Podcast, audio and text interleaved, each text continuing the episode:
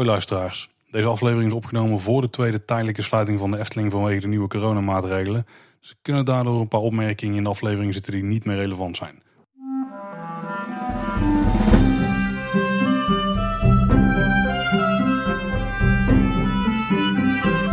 Welkom beste luisteraars bij weer een nieuwe kleine boodschap. Ja, welkom bij eh, deel 2 van ons, eh, ja, wat zal het zijn? Twee luik denk ik eh, over de financiën van de Efteling. Ons epos over de financiën van de Efteling denk ik.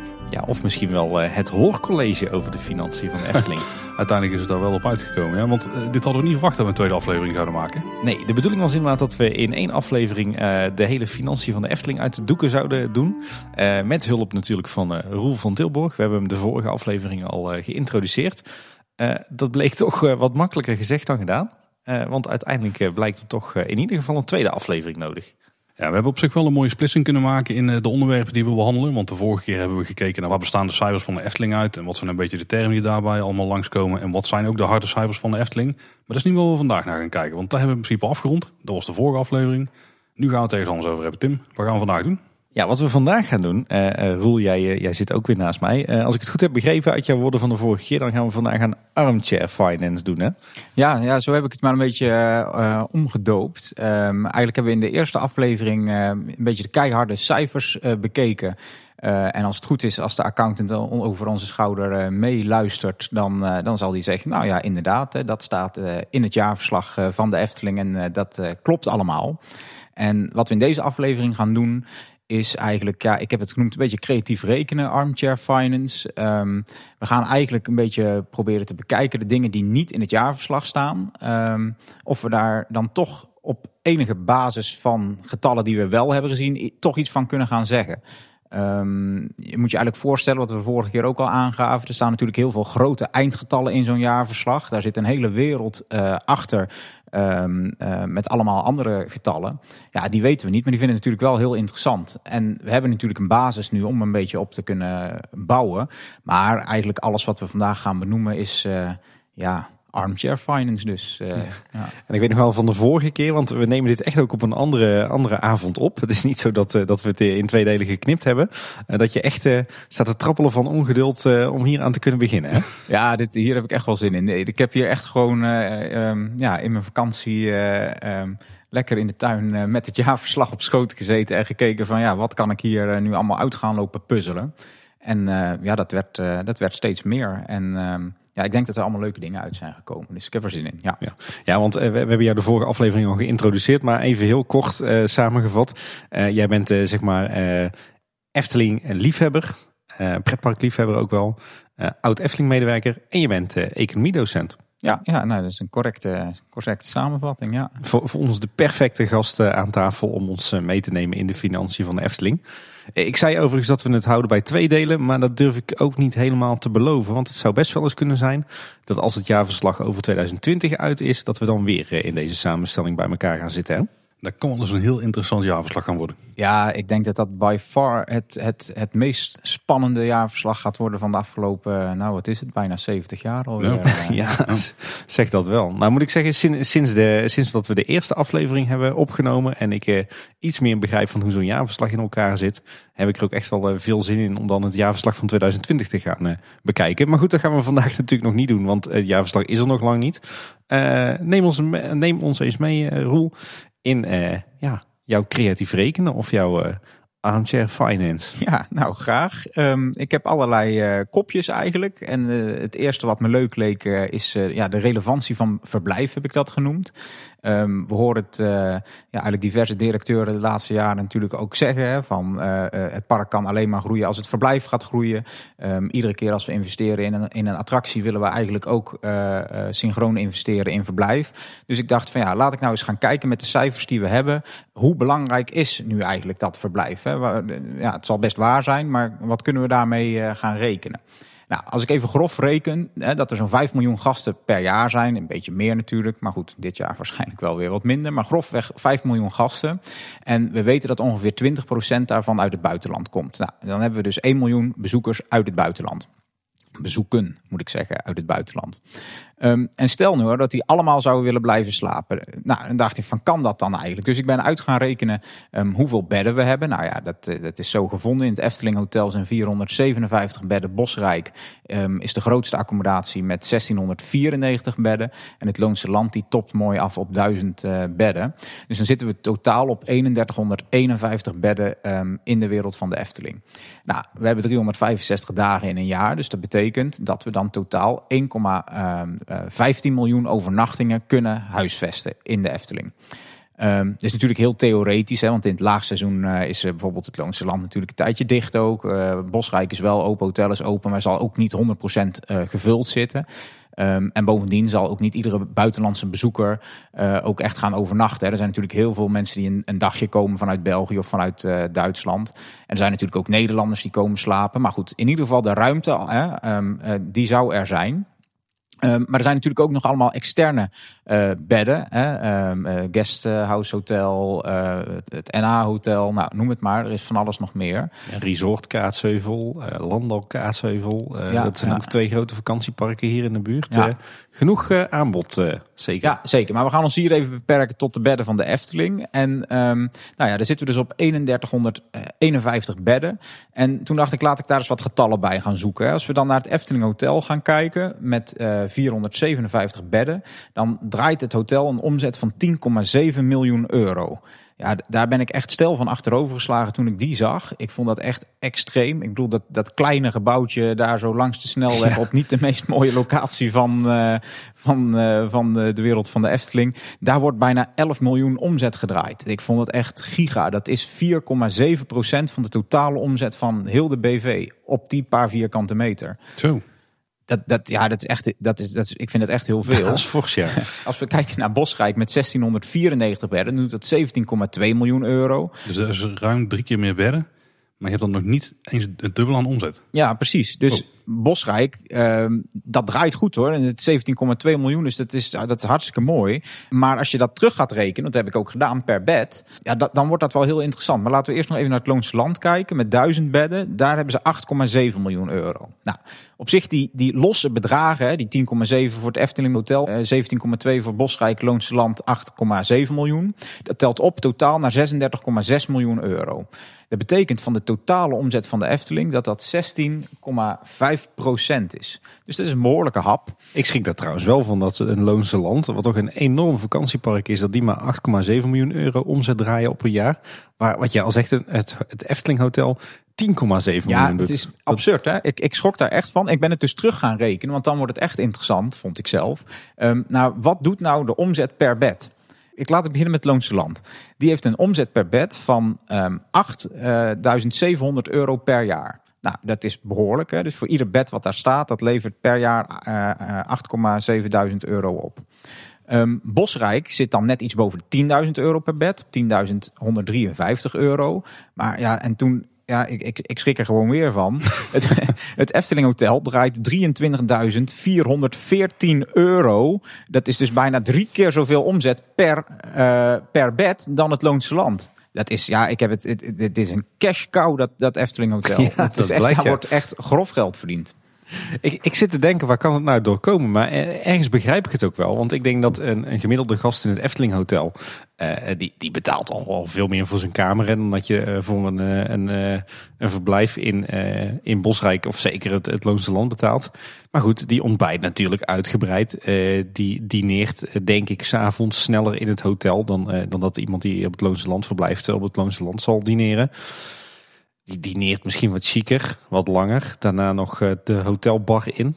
Ik kan me voorstellen dat, de, dat eh, de gemiddelde hotelgast veel meer omzet oplevert op een dag dan, uh, dan de gemiddelde uh, gast die op het Loonse Land verblijft. Nou, wat ook wel eens kan is dat er misschien wel meer kosten aan verbonden zijn. Hè? Want je zegt net het ontbijt. En als dat inbegrepen zit bij de prijs, dan moet er natuurlijk wel van de omzet af om tot een resultaat te komen.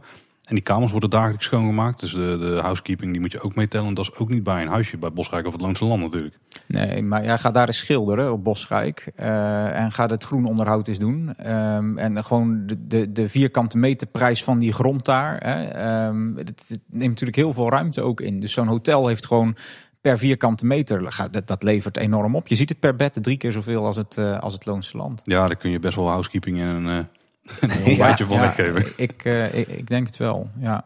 En, en uh, wat je natuurlijk ook ziet, is het, het Loonse Land is volgens mij ingeschaald op, op drie sterren niveau. Uh, Bosrijk op vier sterren niveau. En het Efteling Hotel ook vier sterren niveau. Maar ik denk dat er ook gewoon een beetje um, de sfeer bij een hotel altijd hangt dat dat toch ook wel duurder mag zijn dan een vakantiepark. En um, ik denk dat wij als, als liefhebbers wel weten, tenminste ik zou wel weten waar ik zou uh, gaan zitten um, uh, als ik uh, zou gaan overnachten bij de Efteling. Nou, dat wil ik toch wel even weten van jou, Roel. Ja, daar zou ik op Bosrijk gaan zitten, vind ik by far het mooiste, mooiste park. En ik zou echt niet langs de snelweg gaan zitten in het Efteling Hotel Um, naast het Kleuterhof. nou, wij hebben inmiddels een rondje gelopen daar. Er zijn wel een paar kamers waar ik toch best wel een weekendje zou willen verblijven. Hoor. Ik heb er een keer geslapen trouwens in de, in de carousel uh, suite. Dat oh, was trouwens ook wel echt heel gaaf. Dat heb je daar natuurlijk ook wel. Hè. Die, die suites, dat zijn er, hoeveel zijn dat er inmiddels? Joh? De, 20. 20 ja. Ik denk dat daar ook echt wel de hoofdprijs voor gevraagd kan worden. En dat dat is natuurlijk heel uniek. En er is echt wel een publiek voor te vinden die dat wil betalen. Ja. Dus dat, um, ja. De investering daar zal ook wel iets hoger liggen dan een andere hotelkamer. Maar dat is wel, je er uiteindelijk wel uit, ja. En het, is ook de vraag natuurlijk, gaan ze ook dingen als uh, evenementen, congressen? Ik denk dat dat ook sneller iets is wat uh, um, in een hotel gebeurt dan op een vakantiepark. Ja, wellicht dat dat er ook allemaal nog bij gerekend zit. Um, maar ja, goed, ik zou zeggen, als je ooit wil uit gaan breiden. Um, de laatste jaren is natuurlijk voornamelijk in, in huisjes uh, geïnvesteerd. Maar goed, ik kan mij uh, heel goed voorstellen dat, uh, um, dat je in de toekomst echt gaat kijken om uh, hotelcapaciteit bij te bouwen. Ten meer ook dat je ziet dat de buitenlandse gast daar ook echt om vraagt. Hè. Die zijn wat minder vakantiepark-minded dan wij in Nederland. Ja, typisch Nederlands inderdaad, zo'n bungalowpark. Ja, en, en ik denk dat ja, met beperkte ruimte en als je ziet wat dat kan doen per bed. En ik denk dat er ook echt wel nogal een klasse boven het Efteling Hotel mogelijk moet zijn. Ja. Um, dan, dan lijkt mij de business case uh, snel gemaakt. Ja. ja. Je ziet het natuurlijk ook wel de afgelopen jaren. Hè. Bij het Loonse Land werd een, uh, meteen een Loonse Land hotel gebouwd. Uh, in Bosrijk zijn het Poorthuis en het Landhuis uh, inmiddels ook omgevormd tot hotel. Zijn allemaal een stuk minder luxe en een stuk minder zwaar gethematiseerd dan het Efteling Hotel natuurlijk. Dus, dus ja, ik ben het wel met jou eens dat er zeker wel ruimte moet zijn voor nog een Efteling Hotel. En dan inderdaad in het, uh, het luxe segment, misschien wel richting de vijf sterren. Ja, ja, het is wel interessant. Ik ben dus nu al heel benieuwd, uh, niet alleen door corona naar het jaarverslag van 2020, uh, maar ook hierdoor. Hè, die ombouw naar hotelkamers die eigenlijk is gestart, denk ik, dit jaar in 2020. Of naar appartementen of iets dergelijks. Ze zijn um, dat allemaal wat gaan upgraden. Dus misschien gaan we dat ook wel terugzien in de cijfers, dat vakantieparken ook omzet per bed uh, hoger kunnen krijgen. Ja, ja die ombouw is uh, zeg maar in de winter van 2019 naar 2020 geweest. Uh, ik denk dat het wel lastig is om dat te vergelijken, omdat natuurlijk 2020 een jaar is wat heel anders is dan alle andere jaren. Maar misschien kunnen we daar al wat, wel wat ontwikkeling in, in gaan zien. Ik denk dat je hier ook wel mee hebt zitten rekenen. Maar er komen in de Efteling nou, ruim 5 miljoen bezoekers. Afgelopen jaar 5,26 miljoen weten we inmiddels. Maar hoeveel blijft er nou over per bezoek? Want ik zeg trouwens bezoekers weer, maar het is natuurlijk bezoeken. want ja, dat zeker, is het getal de Efteling altijd communiceert. Dus iemand gaat naar de Efteling, wat houden ze daar gemiddeld nou aan over? Ja, dat is natuurlijk uh, een super interessante vraag. Ik heb er wel een kleine anekdote nog bij. Um, toen ik bij de Efteling werkte, toen zat ik achter de kassa. En um, um, toen kwamen wel eens mensen bij mij en die zeiden: Goh, uh, wat een duur uh, uh, gebeuren hier. Hè? En ik sta hier voor mijn gezinnetje, weet ik, 200 euro af te rekenen. En, en dan willen ze ook nog allemaal een ijsje. Ja, ook dat. en um, ja, dan, ja, weet je, dat, ik, ik mocht daar natuurlijk allemaal niet te veel over zeggen. en je wilde allemaal vriendelijk en zo. Maar ja, ik heb toch soms wel eens gedacht dat ik zoiets had van: ja, maar mevrouw, hebt u door wat er van overblijft hè, onderaan de streep? Het kost ook gewoon allemaal heel erg veel om dit draaiende te En het onderhoud en de personeelskosten en de investeringen. Het is echt enorm. Dus ik heb dat in mijn tijd bij de Efteling al wel eens uitgerekend. En nu weer opnieuw. We zien dat er een winst is van 19,3 miljoen ongeveer euro. En dat moeten we dus verdelen over die 5,26 miljoen uh, mensen. Dat komt dus neer op 3,66 euro, euro winst per bezoeker. Dus dat, is, dat, dat valt wel mee. Hè? Jij staat daar dus uh, uh, voor een dagje Efteling. Stel je gaat in je eentje, je betaalt 45 euro aan de poort. Je bent nog parkeergeld aan het afrekenen. Je, je koopt een keer een frietje, een ijsje en, uh, en, en een knuffel. Dan houdt de Efteling daar dus onderaan de streep 3,66 euro per persoon aan over dat, dat valt dus eigenlijk allemaal wel mee. Die marges per bezoeker die zijn eigenlijk ja, redelijk laag. En, je ziet duidelijk dat de, de kracht en de winstgevendheid van zo'n uh, van zo'n park, dat zit hem echt in de massa. Er moeten veel mensen op afkomen, wil dit onderaan de streep uh, eh, ja, eh, mooie getallen op gaan leveren. Dus dat wordt natuurlijk voor 2020 heel, eh, heel spannend wat er gaat gebeuren. Ja, want 3,66 euro. Ik kan me voorstellen dat als jij eh, naar eh, eh, Panorama eh, Plate Service gaat, naar, naar het sit-down restaurant, en je bestelt daar, je gaat daar gewoon eten en je pakt daar een hoofdgerecht en een toetje, dan zullen ze toch wel iets van 4, 5 euro winst daaraan overhouden, hoop ik. Ja, ik denk, ik denk wel meer. Ik denk dat ze dat heel graag hebben hoor. Dat je gaat zitten bij de horeca en dat je een knuffel koopt en zulke soort dingen. Maar ik denk, ehm, Nou, maar als je dat dan dus meeneemt, dan zou het puur op het bedrag om binnen te komen, dat maakt dus eigenlijk bijna geen winst op. Of misschien zelfs wel verlies. Nee, daar hoor je al vaker mensen doen. Hè? Eh, eh, en dat mag je eigenlijk niet doen. Van ja, hoeveel van dat kaartje van 45 euro, eh, wat, wat zijn daar nou de kosten van? En daar moeten ze toch enorm veel op overhouden. Of zo'n parkeertje van 12,50 euro. Ze hebben heus niet zo enorm veel kosten. Of inderdaad, waarom is dat ijsje zo duur? Waarom is de koffie zo duur? Maar in Efteling werkt het eigenlijk zo dat alle omzet van de kaartjes, van de, de parkeerkaarten, van de horeca, dat komt allemaal in één grote pot. Dat is die omzet van eh, eh, ruim 220 miljoen euro. En daar gaan alle kosten vanaf. Eh, de personeelskosten, de onderhoudskosten, de investeringen. Dus daarom kan je niet zeggen van oké, de winst is omzet minus de kosten. Het is niet zo dat als jij een kopje koffie bestelt voor 2,90 euro... en dat heeft de Efteling aan, aan inkoop misschien een paar cent gekost, dat dat allemaal winst is. Want eh, wat daar in feite aan bruto winst van, van overblijft van het kopje koffie, dat is hard nodig om het personeel te betalen, om de investeringen te betalen, om de energierekening te betalen, om het onderhoud te betalen. Had, had ik wel enigszins meegerekend in mijn, eh mijn etensverhaaltje net, maar Nou, maar ik vind het toch wel interessant wat jij zegt, Paul. Want het is natuurlijk wel zo, dat, dat zit er ook in die 3,66 euro. Hè? Dus het, er zijn dus mensen waar ze ook veel minder aan verdienen gemiddeld. Hè? Dus de, Ja, ja, eh, zeker, ja. blijf vooral lekker eh, bij eh, Panorama op het terras zitten. Want eh, dat, eh, dat trekt dit getal natuurlijk omhoog. Er zijn natuurlijk ook mensen zat die met de boldercar en de, en de, de sixpacks eh, eh, met eh, cola naar binnen rijden. Daar wordt ongetwijfeld minder aan overgehouden eh, per bezoeker. Nou, we weten dus die, die winst per bezoeker dat die 3,66 euro is. Ehm, maar wat ook wel leuk is, is om nog iets verder door te graven op die, op die winstgevendheid. Ehm, we hebben dus 19,3 eh, ehm, eh, miljoen euro resultaat naar belastingen. Nou, als we dat gaan delen op de bedrijfsopbrengsten van bijna 228 miljoen euro, dan eh, kom je uit op 8,46 procent. Nou, ehm, wat zegt dat getal ons? Ehm, dat zegt eigenlijk dat van iedere euro die jij besteedt in de Efteling, dat het park daar zo'n 8,5 cent van overhoudt. Dus dan kom je al iets dichter bij wat je bedoelde net, denk ik, Paul. Hè? Dus de- iedere euro die je uitgeeft, 8,5 cent blijft daar van winst over. Maar dit is natuurlijk een heel globaal, heel gemiddeld getal. Ehm, want ik denk als jij een softijsje aan het kopen bent, dat ze er meer aan overhouden. Maar ik denk dat er dus weer andere dingen zijn waar ze minder aan overhouden. Het is puur globaal, maar ja, dan zou je dat wel kunnen zeggen. En ehm, wellicht nog interessanter, ehm, vind ik zelf, is eh, wat is nou eigenlijk het rendement? Hè? Ehm, als jij zelf spaargeld hebt op een rekening, dan weet je dat, eh, dat de bank jou daar nu 0% over betaalt. Eh, wellicht dat je eh, aandelen hebt of dat je obligaties koopt of andere manieren waarop dat je rendement wil maken. Ehm, voor eh economen is het altijd interessant om te kijken wat is nou het rendement van een bepaalde investering. Nou, dus dat heb ik ook uitgerekend voor de Efteling. Als je dan gaat kijken, die 19,3 miljoen resultaat na belastingen. Als ik dat ga delen op het eigen vermogen. Ehm, dan komt daaruit 10,18 procent. Dus dat wil eigenlijk zeggen, ten opzichte van het eigen vermogen. Hè, dus er is een, een eigen vermogen van zo'n 189 eh, ehm, eh, miljoen. ehm, is er zeg maar geïnvesteerd door de Efteling aan eigen geld. En welk rendement halen ze daar nu eigenlijk jaarlijks mee? Nou, dan kom je dus op een rendement van 10,18 procent. Nou, dat is netjes. Ik wil net zeggen, hè, ehm, op jouw eigen spaarrekening 0%. En de Efteling die maakt dus ruim 10% rendement. En zo kun je vaak ehm, bedrijven natuurlijk ook vergelijken. Hè, van wat is nu eigenlijk het rendement? Hè, hoeveel moet ik aan eh, vermogen investeren? En wat haal ik eruit?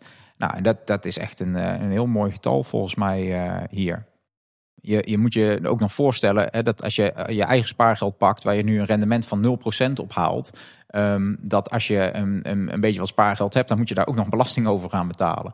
Hè, dat is ook nog iets van eh 1% grofweg eh, wat je daarover moet betalen, over, over dat rendement.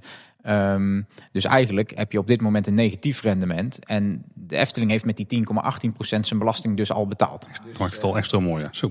Ga investeren mensen in een, in een pretpark als de Efteling. En u, u, haalt een prachtig rendement. Ja, ze hebben zelf geen aandelen die je kunt kopen. Ja. Nee, nee, ja, besloten vennootschap. Dus je kunt lobbyen, Paul. Misschien dat ze je toe willen laten. Alle aandelen zijn in bezit van de stichting, hè, eigenlijk. Ja, ja, er is maar één aandeelhouder. Ja. Hey, en je zegt, uh, uh, Roel, uh, als je wil investeren, investeer dan in een pretpark. Maar ik ben wel benieuwd, wat levert dat nou voor mij op? Wat verdien ik nou als ik directeur ben van een pretpark als de Efteling? Nou, ik zal nog even nuanceren. Als je wil investeren, investeer dan in een pretpark. Dat weet ik niet hoor. Ik denk um, dat als ik eigen vermogen zou hebben, dat ik uh, heel snel zou investeren in een, in een hotelletje in de buurt. Ik denk dat Koen Schelfvorst is heel slim. Die profiteert mooi mee van uh, de pracht en praal hier in Kaatsheuvel. En uh, ik denk dat hij ook hele mooie rendementen kan maken. Maar goed, over die directiesalarissen. Um, Even kijken, ik heb dat eens even opgezocht. Want het is ook wel weer zo'n getal. Ja, dat, dat, ja, ik ben daar benieuwd naar. Ik denk heel veel mensen van wat verdient nou uh, het opperhoofd van zo'n uh, bedrijf? Um, nou ja, ik heb een beetje zitten graven. Dat is niet iets wat, je, uh, wat er nou in één keer zo staat natuurlijk. Hè. Zo van nou, de heer Jurgens zoveel per jaar. maar wat we wel terug kunnen vinden, um, dat moeten ze namelijk vermelden in een jaarverslag, is de bezoldiging van de bestuurders van de rechtspersoon. En dat is een bedrag van 668.000 euro in 2019 en 628.000 euro in 2018. Toen dacht ik in eerste instantie, vijf directieleden, hè, nou, dan zullen ze ongeveer eh, zo'n uh, 1 tot 1,5 ton per persoon hebben. Nou, prima salaris. Maar we hebben de vorige aflevering geleerd dat de bestuurders van de rechtspersoon, dat dat alleen die um, titulaire uh, directieleden zijn. Dus ja. dat is alleen maar uh, uh, Fons Jurgens en Daan van Baarsen. Kortom, dat bedrag van 668.000 euro, dat is het, het, meest duidelijke salaris wat we kunnen vinden in het, in het jaarverslag. Want dat moet verdeeld worden over die twee, over Fons en over Daan. Um, nou, we kunnen natuurlijk wel verwachten dat Fonds uh, echt wel wat meer zal verdienen uh, als algemeen uh, directeur, voorzitter, um, dan, dan Daan. Maar goed, laten we er even vanuit gaan dat ze ongeveer allebei hetzelfde zouden verdienen. Dan, um, dan zou dat neerkomen op zo'n 27.833 euro per maand. Zo. Oké. Ja, ja, dat, dat is behoorlijk. Dat is behoorlijk. Maar we moeten er wel rekening mee houden um, dat daar um, natuurlijk het vakantiegeld al in zit. Uh, oh, ja. oh nee, ja, dat verklaart dan ook. en, en, en wellicht is er een, is er een eindejaarstoeslag of is er een variabele beloning. Um, ik kan me ook voorstellen dat hier de werkgeverslasten al bij in zitten. Weet ik eigenlijk bijna wel zeker. Hè. Dus de, de, de, je moet uh, betalen, uh, premie betalen aan de overheid voor allerlei uh, voorzieningen. Dat zal hier ook in zitten. Pensioen misschien ook? Ja, dat, dat kan ik me ook voorstellen dat, dat er pensioen in zit. Dus we hoeven hier eh, geen medelijden met, nee. met de heren te gaan hebben. Maar um, uh, ja, um, een, een fors bedrag per maand uh, gaat er wel een uh, kant op. Hey, maar Roeja had het er ook over dat, dat de salarissen ook uh, best nogal gestegen zijn van 2018 naar 2019, toch? Ja, ja er komt eigenlijk zo'n uh, zo'n 40.000 euro op. Um, en ik heb dat even omgerekend. Dat is een stijging van de directiesalaris van 6,37 procent. Nou ja, um, is dat dan veel, is dat dan weinig? Uh, ik denk redelijk wat. Hè. Als je een beetje in de media kijkt, uh, dan wordt er op heel veel plaatsen in het land natuurlijk gevraagd om hogere lonen. Um, ja, dan heb je toch vaak over procentenwerk, hè, wat er dan uiteindelijk uitrolt. Um, dus die 6,37% stijging voor de twee uh, uh, directeuren van de rechtspersoon. Ja, dat is best wel een, een, een redelijke stijging. Um, wellicht heeft dat te maken met het, um, dat ze een stukje variabele beloning hebben. Hè, dat ze beloond zijn voor goede resultaten. 2017 5,18 miljoen bezoeken, 2018 5,35 miljoen bezoeken. En dan in 2019 zakt dat weer wat terug. Um, ja, ik, ik, kan me voorstellen dat een stukje van hun variabele beloning gekoppeld is aan het, aan het halen van die 5 miljoen bezoeken. En um, ik moet zeggen, ik woon heel vlak bij de Efteling. En uh, toen ze die 5 miljoen bezoeken haalden, hadden ze natuurlijk een gigantisch uh, feest. Ja, dat konden wij uh, volgens mij alle drie bij ons thuis horen. Dat, dat konden we echt heel goed horen. En, en, en, en toen ik later dit verslag las, toen dacht ik van ja, ik, ik, ik snap nu extra goed, denk ik, waarom dat de directie daar zo feestend op het podium stond. Want ja, de, hier zit gewoon een variabele beloning voor hen aan vast. ja. Aan de andere kant moet je natuurlijk ook wel bij zeggen dat uh, als je algemeen directeur bent van de Efteling, dan ben je ook echt 24-7 bezig met de Efteling. Hè? Ja, zeker. Ja, we gaan het er zo nog wel iets verder over hebben. Maar ehm, ehm, ik heb nog wat getallen van andere bedrijven erbij gezocht. Eh, dit zijn natuurlijk eh, enorme bedragen voor, eh, voor bijna iedereen. Ik denk dat er vrij weinig mensen zijn die zoiets verdienen. Maar dit zijn natuurlijk ook wel banen waar je echt eh, je uren maakt en enorme verantwoordelijkheid hebt. Ehm, en eh, ja, ehm, dat er heel wat op je schouders rust. Ja. ja, je hebt de verantwoordelijkheid voor eh, ruim 3000 medewerkers en hun gezinnen. En dat, eh dat heb ik toch niet zelf. Nee, en je hebt eh ons liefhebbers allemaal achter je aan die van alles Ja, van je vinden. En eh, ja, dat, eh, ja. En dan word je nog gesproken door er een douw wat niet lukt. Dat zal ook wel frustrerend zijn. Ja. Als we dan een beetje kijken naar het personeel zelf. Wat, wat verdienen die gemiddeld? Want daar kunnen we ook wel over uitrekenen, denk ik. Hè? Ja, ja ik, ik, dacht, eh, als we dan die directiesalarissen hebben bekeken, dan wordt het natuurlijk ook wel interessant om te kijken naar de, de niet-directeuren. Wat wordt daar dan eh, verdiend?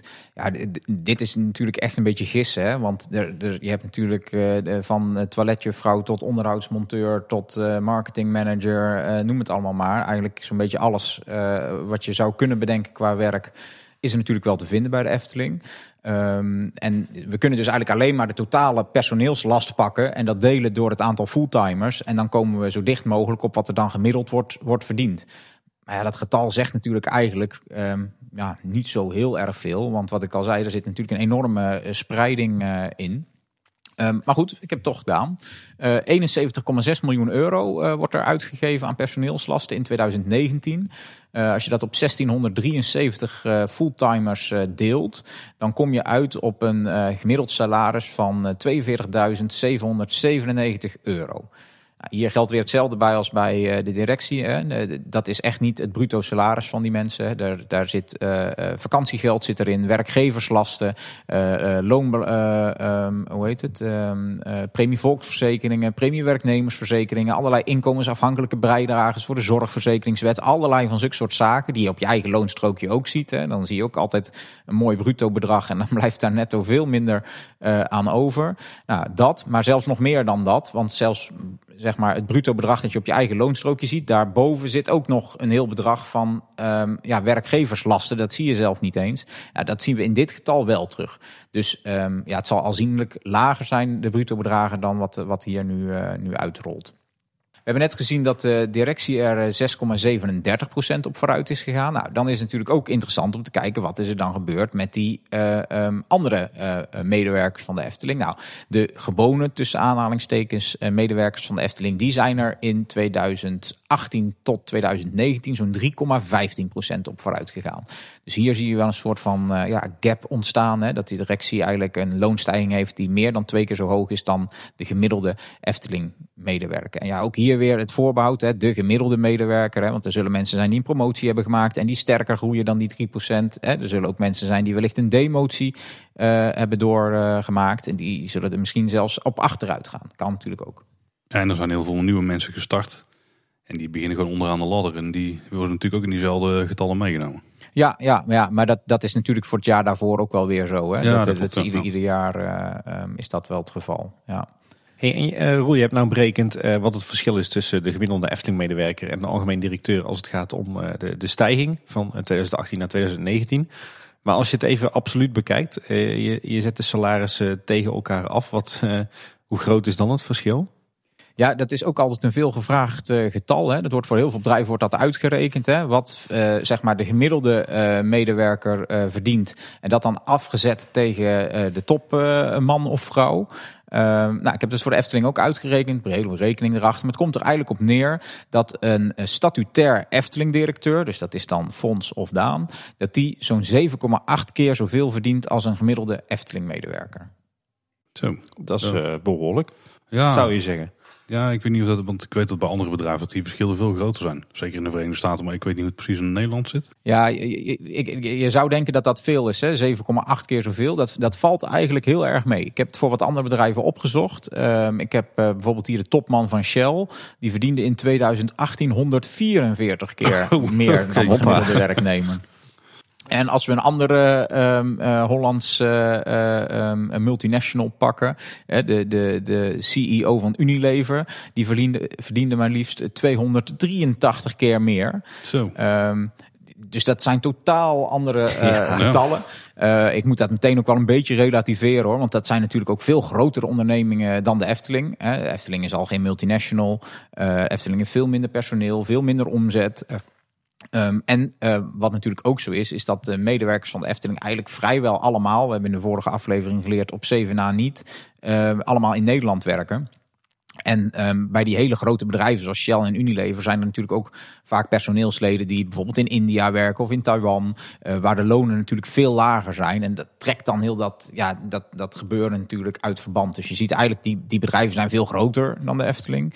Ehm, en hun personeel eh, ehm, ja, wordt waarschijnlijk ook eh, gemiddeld lager betaald. Ja, als je dan kijkt, wat meer vergelijkbaar misschien, hè, de publieke sector. Ehm, daar hebben ze natuurlijk de balken en de normen. Dus eh, iemand eh, mag in de publieke sector niet meer verdienen dan, eh, wat is het, ergens rond de 185.000 euro geloof ik. Het, het, het, het salaris van, van de premier. Ehm, ik heb even opgezocht, Doreen Kooi, dat is een hoogleraar van de universiteit in Tilburg, of de Tilburg University heet dat tegenwoordig. ja, ja. Ehm, die zegt eigenlijk dat een, een, een ratio van 1 staat tot 40 eigenlijk redelijk, redelijk ja, ja, netjes zou zijn, redelijk zou zijn in het bedrijfsleven. Dus dat betekent eigenlijk dat de topman of topvrouw dan 40 keer meer kan verdienen dan de gemiddeld verdienende man of vrouw op de werkvloer. Dus als je dat dan koppelt aan die 7,8 keer bij de Efteling, dan, ehm, ehm, ja, dan, dan, eh, dan gaat dat heel erg netjes. Ja. Ja, dan is het eigenlijk heel bescheiden wat, eh wat eh, Fonds en Daan meer verdienen dan de gemiddelde Efteling-medewerker. Ja, ja, ja, zeker. Ja. Kijk, Dat dat is- dat toch weer een eye-opener. Ja, meer geld eh, voor eh, Nou, dat betekent toch wel dat ze het ook echt doen omdat ze het enorm leuk vinden. Ik bedoel, daar lijkt iedereen natuurlijk wel een prima baan, denk ik, het baantje van Fons. ja. Maar als je kijkt dat ze waarschijnlijk bij een ander bedrijf dus veel meer zouden kunnen verdienen. Ja, aan de andere kant heb ik Fons volgens mij ook wel eens horen zeggen bij zijn aantreden van ik ga dit voor eh, x aantal jaren doen. En als ik dan daarna wegga, dan, eh, dan zou ik misschien kijken naar iets eh, in de zorg of zo. Hè, manager of directeur van een ziekenhuis. En dan zit je natuurlijk alweer in die publieke sector.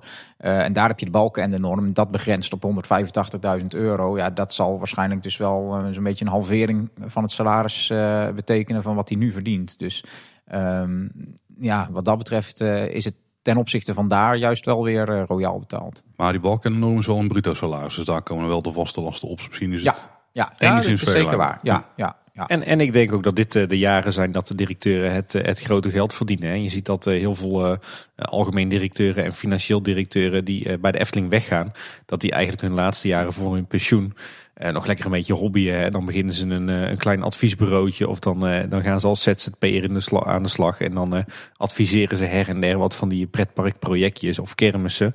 Eh, en dan, dan komt het allemaal niet meer zo nauw hoeveel geld ze binnenbrengen, denk ik. ja, ja nee, eh, dit is zeker. Ja. Dit, zijn, eh, dit zijn de jaren van eh, hard werken en eh, ook eh, ja, naar raad over dienen, denk ik. Ja, dat denk ik ook. Ik denk dat dit echt, dit zijn gewoon, eh, dit zijn prima salarissen en eh, het is niet exorbitant of zo. Hè. Dus dit, eh, eh, netjes in evenwicht, denk ik. We hoeven niet bang te zijn dat als we een kopje koffie betalen, dat daar een groot deel van naar fonds gaat. Nee, want uiteindelijk als je toch kijkt gewoon op de, op de totale opbrengst, hè, dat er dan dus maar krap 7 ton naar, naar ja, dan maar die twee directeuren, dat valt hard mee. Ja.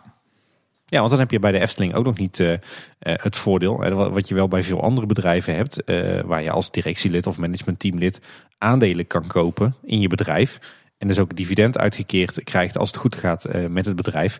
Dat heb je natuurlijk niet als directeur van de Efteling. Want alle aandelen zijn in eigendom van de stichting. Dus hoe goed het ook gaat met het bedrijf, je hebt geen aandelen. Dus daar krijg je in ieder geval geen extra opbrengsten van. En dat is natuurlijk iets wat we wel bij heel veel grotere bedrijven zien.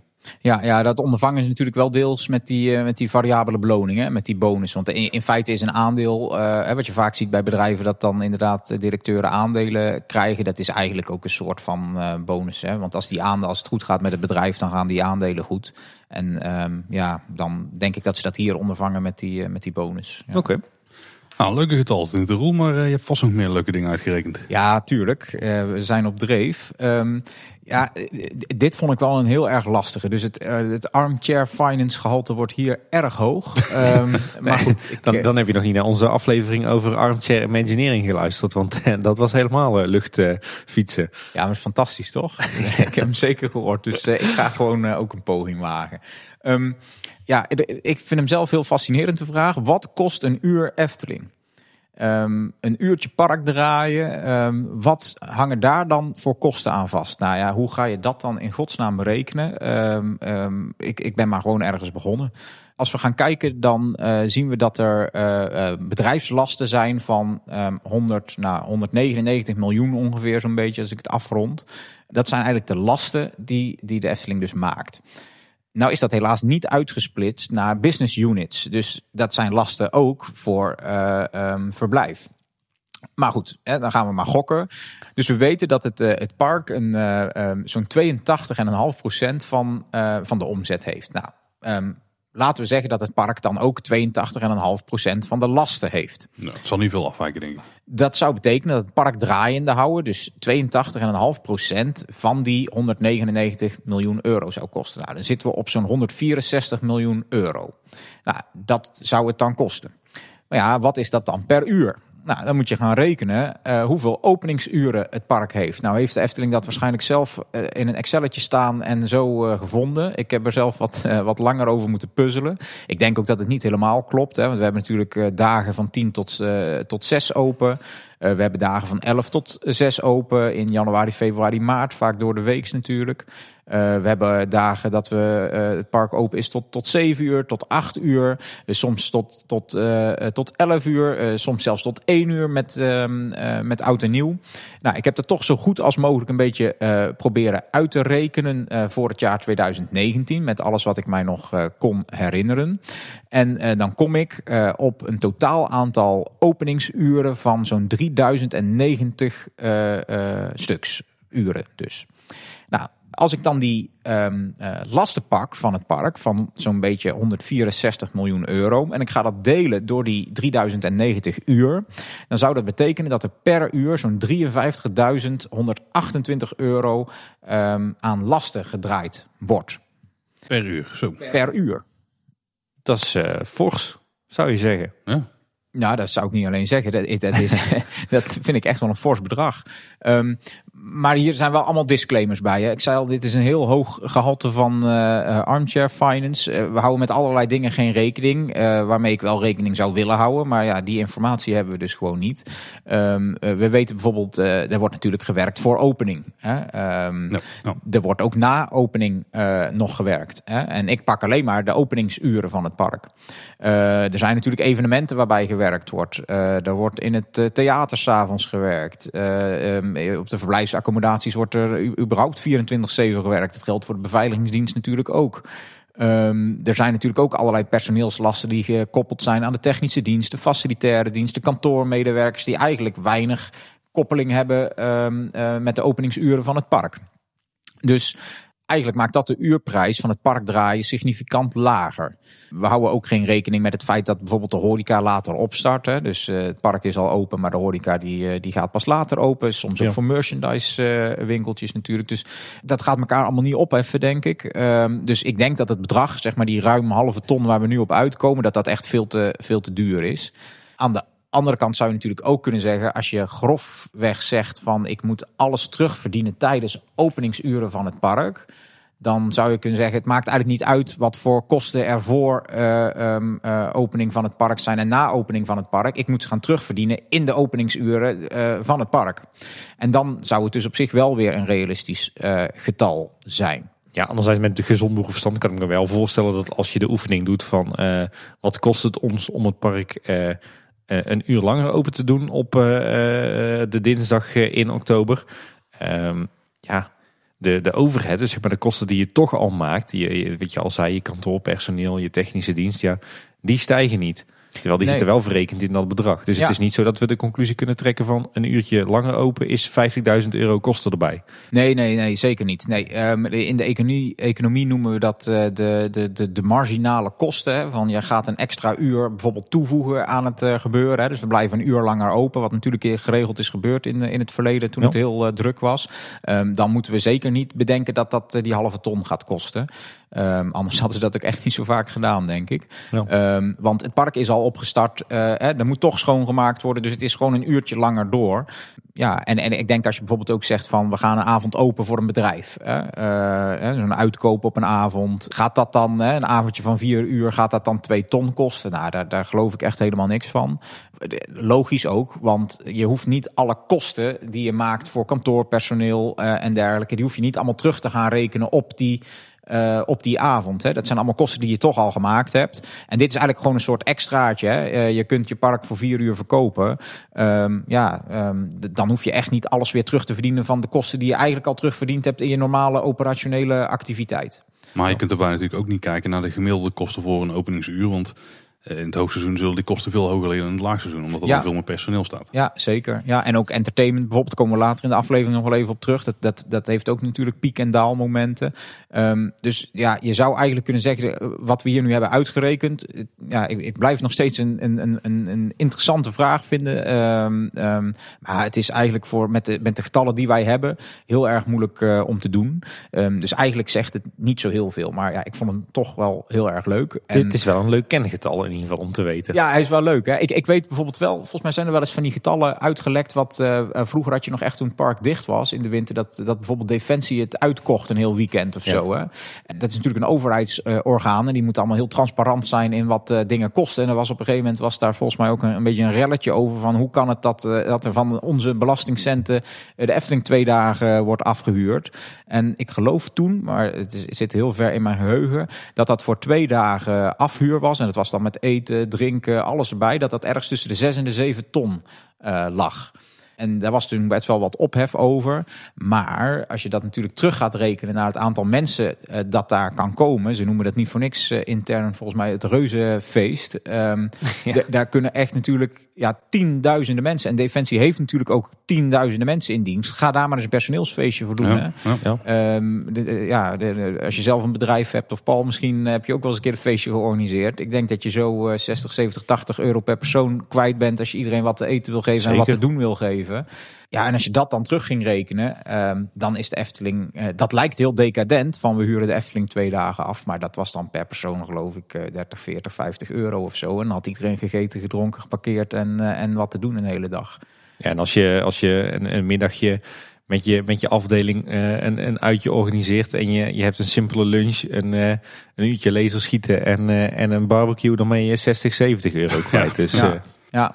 Dus, uh, maar ja, goed. Het, het, het is, uh, we hebben er enig uh, inzicht in. En op zich, wat het natuurlijk wel echt zegt, is dat je gewoon je, je, je basispakket aan kosten, hè, zul je toch terug moeten verdienen in die, hè, die geschatte 3090 uur. Um, ja, en dan kun je daar op zich wel van zeggen dat je dan zo rond die halve ton zit. Ja. Uh, maar dat betekent niet als je zeg maar van dat basispad gaat afwijken, dat je dan ook echt dat uh, zult moeten, moeten vragen. Hey, en we hebben het er nou over gehad, uh, Roel, wat, uh, wat kost nou een uur Efteling, maar wat levert een uur Efteling nou op? Ja, dat is dan natuurlijk ook een interessant geval, uh, getal om uit te rekenen. Um, en um, we weten dat er 182,4 miljoen euro omzet is voor het park. Nou, dat ga ik dan weer delen op die uh, 3090 openingsuren. En um, ja, dan kom je uit op zo'n uh, 59.000 euro per uur ongeveer. Dus ja, dan weten we dat dat zeg maar zo'n krap 60.000 euro per uur is. Ja, dan, dan, dan kan ik het toch niet laten. Dan ga ik nog even iets verder doorrekenen. Um, want ja, wat is, zou dat dan um, per, uh, uh, per minuut zijn? Um, en dan zit ik op 984 euro uh, opbrengst per minuut. Dus ja, als je de volgende keer in de wachtrij staat, dan kun je het aantal minuten wachten ja. vermenigvuldigen met 984. En dan weet je wat er op dat moment door de kassa's van de Efteling uh, rinkelt. Dat is, dat is niet het bedrag wat de, de plaatselijke snackbar iedere minuut verdient, dat weet ik wel. Per seconde is die ook heel erg leuk. Uh, ik denk, dan gaan we toch nog even iets verder doorrekenen. Dat is uh, 16,40 euro. Oh, dat tik ik wel eens af in een seconde. In de Efteling. Ik ook. ja. Um, trouwens, en per dag, zou ik dan bijna nog haast vergeten, uh, dan zitten we zo'n beetje op een half miljoen. Zo. Aan, uh, aan opbrengst. Ja. Dus, um, dat komt trouwens ook overeen met wat de Efteling gecommuniceerd heeft tijdens uh, de lockdown en de coronasluiting. Toen had ze er ook over van iedere dag dat de Efteling dicht blijft, dan kost dat een half miljoen. Ja, en, en, en toen hoorde ik dat en toen dacht ik, nou, dat zal toch wel een beetje overdreven zijn. Um, maar nee, dus dat is echt wel. Nou. Um, ja, wat er. Nou ja, pas op hè. Dat is dus wat je misloopt aan opbrengsten. Uh, ja. Dat is nog niet per se wat het uh, kost. Nee, klopt. Daar zit inderdaad wel een verschil tussen, tussen omzet en kosten. En er komt dan ook nog bij dat het, eh, de periode dat ze bijvoorbeeld dicht zijn geweest tijdens de coronasluiting, dat het niet helemaal hoogseizoen was op een paar dagen na. Er zat één vakantie in en Pasen natuurlijk, maar... Ja, dat was mijn eerste reactie eigenlijk ook, eh, Paul. Maar toen zat ik daar later eens over na te denken. Er zijn natuurlijk heel veel kosten die gewoon per maand teruggerekend worden. Nee, dus het, nou, nou. het personeel is wel gewoon in dienst. Hè? En die, die hebben wel gewoon de urencontract. En die werken inderdaad in de zomer meer en in de winter minder. Maar die hebben wel gewoon de vaste basis aan, aan, aan, eh, aan kosten natuurlijk staan.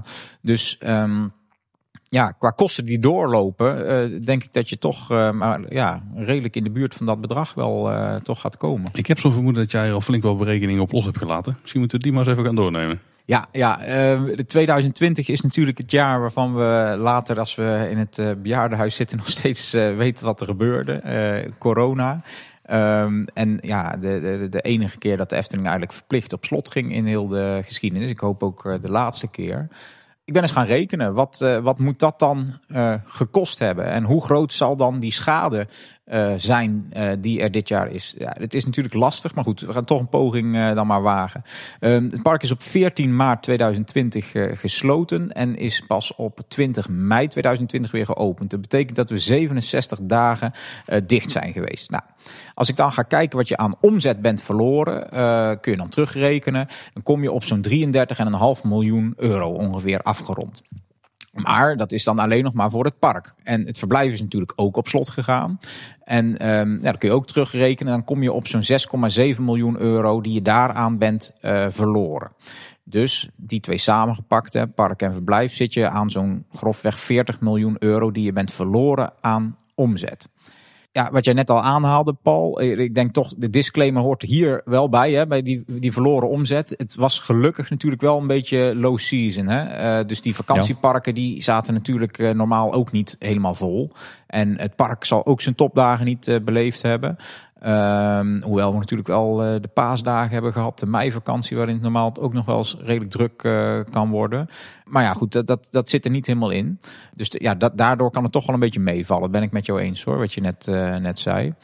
Ik denk eigenlijk dat de grootste schade, hè, want dit, dit klinkt al vrij eh, catastrofaal, vind ik, 40 miljoen eh, verloren omzet. Ehm, ik denk dat de grootste schade uiteindelijk de periode is nog wel misschien daarna, waarbij je het hoogseizoen natuurlijk in bent gegaan. eh, met een drastische verlaging, zeker in het begin natuurlijk van de capaciteit, dat er echt maar een paar duizend man werd binnengelaten.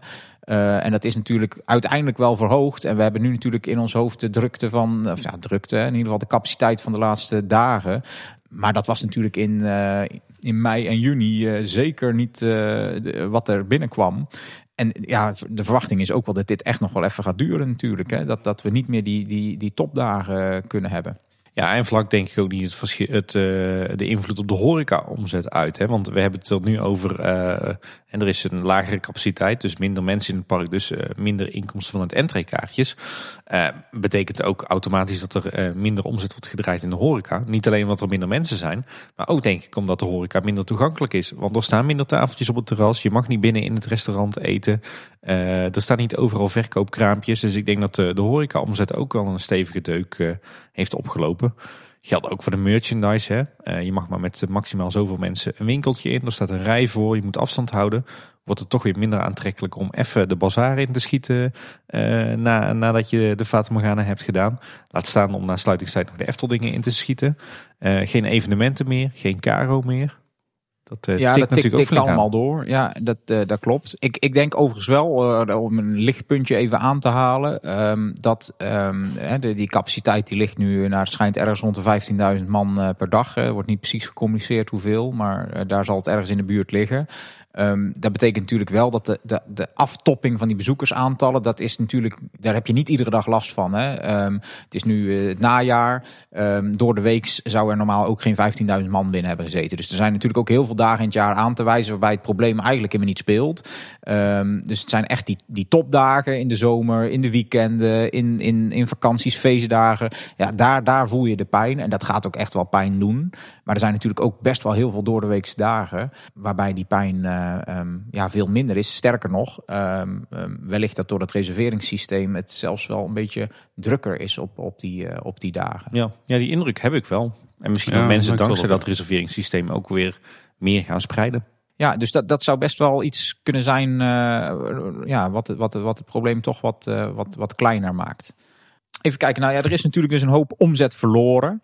Um, maar ja, verloren omzet, dat, zijn, ja, dat is misgelopen opbrengst. Um, misschien ja. is het nog wel veel sterker om te kijken naar um, de kosten die wel gewoon door zijn gegaan. Hè. Dat zijn echt bedragen die uitgegeven uh, moeten zijn aan lonen en weet ik veel wat uh, nog niet meer. Als we daarbij gaan kijken, dan zien we dat er een totale last van zo'n ja, 545.000 euro per dag is. Um, en als je dat dan gaat doorrekenen naar, die, naar het aantal dagen van die coronasluiting, ja, dan zit je op zo'n 36,5 miljoen euro dat er aan kosten um, doorgelopen is. Ook hierbij weer de disclaimer um, dat er natuurlijk allerlei kosten zijn die wel echt door zijn gegaan. Hè. Personeelslasten zijn gewoon doorbetaald.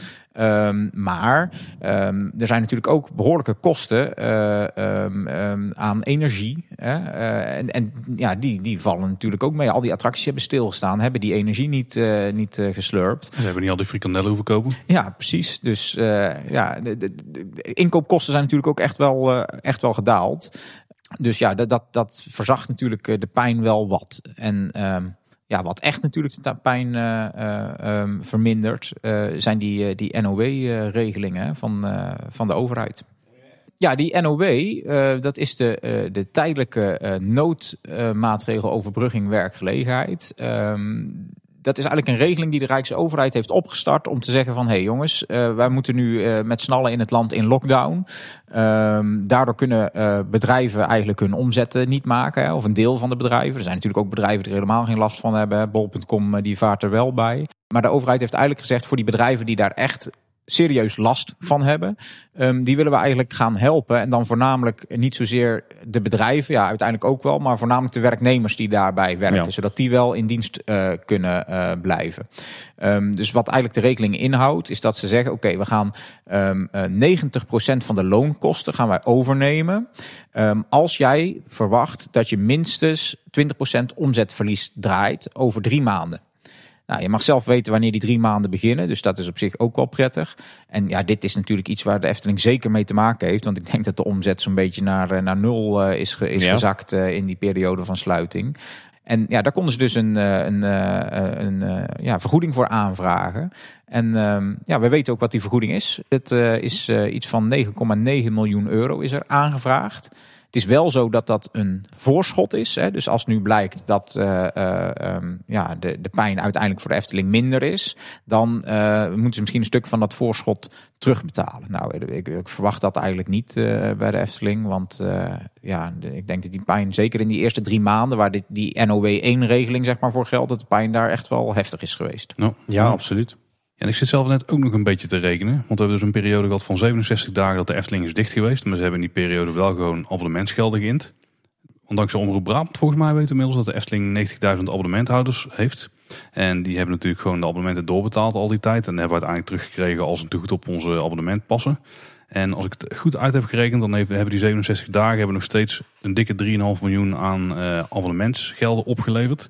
En die zijn dus allemaal teruggezet naar de passen. Maar de dingen die je daarvoor kunt halen, als je er al iets uh, van uitgeeft, die, uh, ja, die hebben een veel hogere marge dan het bedrag zelf natuurlijk. Dus als ze daar nog 2 miljoen van overhouden, dan verzachten de pijn ook nog een beetje. Ja, ik, ik, vind het persoonlijk een heel slimme regeling die ze hebben opgezet. Er is natuurlijk best wel wat kritiek ook op geweest natuurlijk. Maar het is wel een regeling die voor het bedrijf heel erg goed is. Hè? En, en ik denk uiteindelijk voor, voor de, de, de gast zelf, de klant of de abonnementhouder... Um, ja, kijk, weet je, je hebt een abonnement omdat je geregeld naar de Efteling gaat. Uh, je koopt er ook een keer een ijsje. Uh, je gaat er een keer friet halen. Um, ja, hoeveel last heb je ervan? Um, ik vind het zelf eigenlijk wel grappig, want ik uh, ben nog steeds niet om mijn budget heen. Jullie waarschijnlijk al lang. ik wou net zeggen, dat doe jij goed, Ron. nou, ik ook pas net hoor, want ik had best wel veel abonnementen om het vanaf te halen. En ik vergat okay. af en toe om het te laten doen. Ja, inderdaad, dat is wel herkenbaar. Ja, weet je, ik heb zoiets als abonnementhouder verlies je er eigenlijk niks aan. Want je had anders ook dat bedrag betaald aan je koffie en je ijsje en je pannenkoek. Oké, okay, er gaat een licht stimulerende werking vanuit natuurlijk. Uit het feit dat je tussen aanhalingstekens gratis geld op je abonnementspasje hebt staan. Uh, maar goed, uiteindelijk uh, dat kopje koffie had je anders ook betaald tegen hetzelfde geld. Maar aan de andere kant, voor de Efteling is het natuurlijk veel voordeliger. Want uh, zij verliezen er minder aan dan dat ze dat volledige bedrag zo handje contantje aan je terug hadden gestort. Ja, en wat we inmiddels in aflevering 1 hebben geleverd, dit is natuurlijk wel heel goed voor de cashflow van de Efteling. Ja, ja zeker. houden. Ja, ik, ik, ik denk ook. eh, je ziet dat Efteling ook heel duidelijk die keuze heeft gemaakt om die abonnementhouder gewoon, ja, ik vind wel te waarderen in de zin van, eh, j- jullie zijn wel belangrijk, zeg maar, voor ons. Hè. Dat is een enorme cashflow die iedere maand binnenkomt. hè. 90.000 keer gemiddeld, zeg maar, zo'n 18 euro per maand als ik het parkeerabonnement nog niet meereken. Dat is gewoon een soort steady basis waar ze op kunnen rekenen van, hey, dat, dat geld komt binnen. Ehm, ja, dat, dat is natuurlijk gewoon heel fijn. En ehm, uiteindelijk denk ik ook, als je ziet wat Europa Park doet, die verkopen nog steeds geen abonnementen nu. Ehm, je zou daar maar in rust wonen, net als wij hier lekker in de buurt eh, in Kaatsheuvel. Ik wil gewoon eh, naar de Efteling toe. En daar zijn de abonnementen gewoon geblokkeerd. Eh, je kunt er niet in.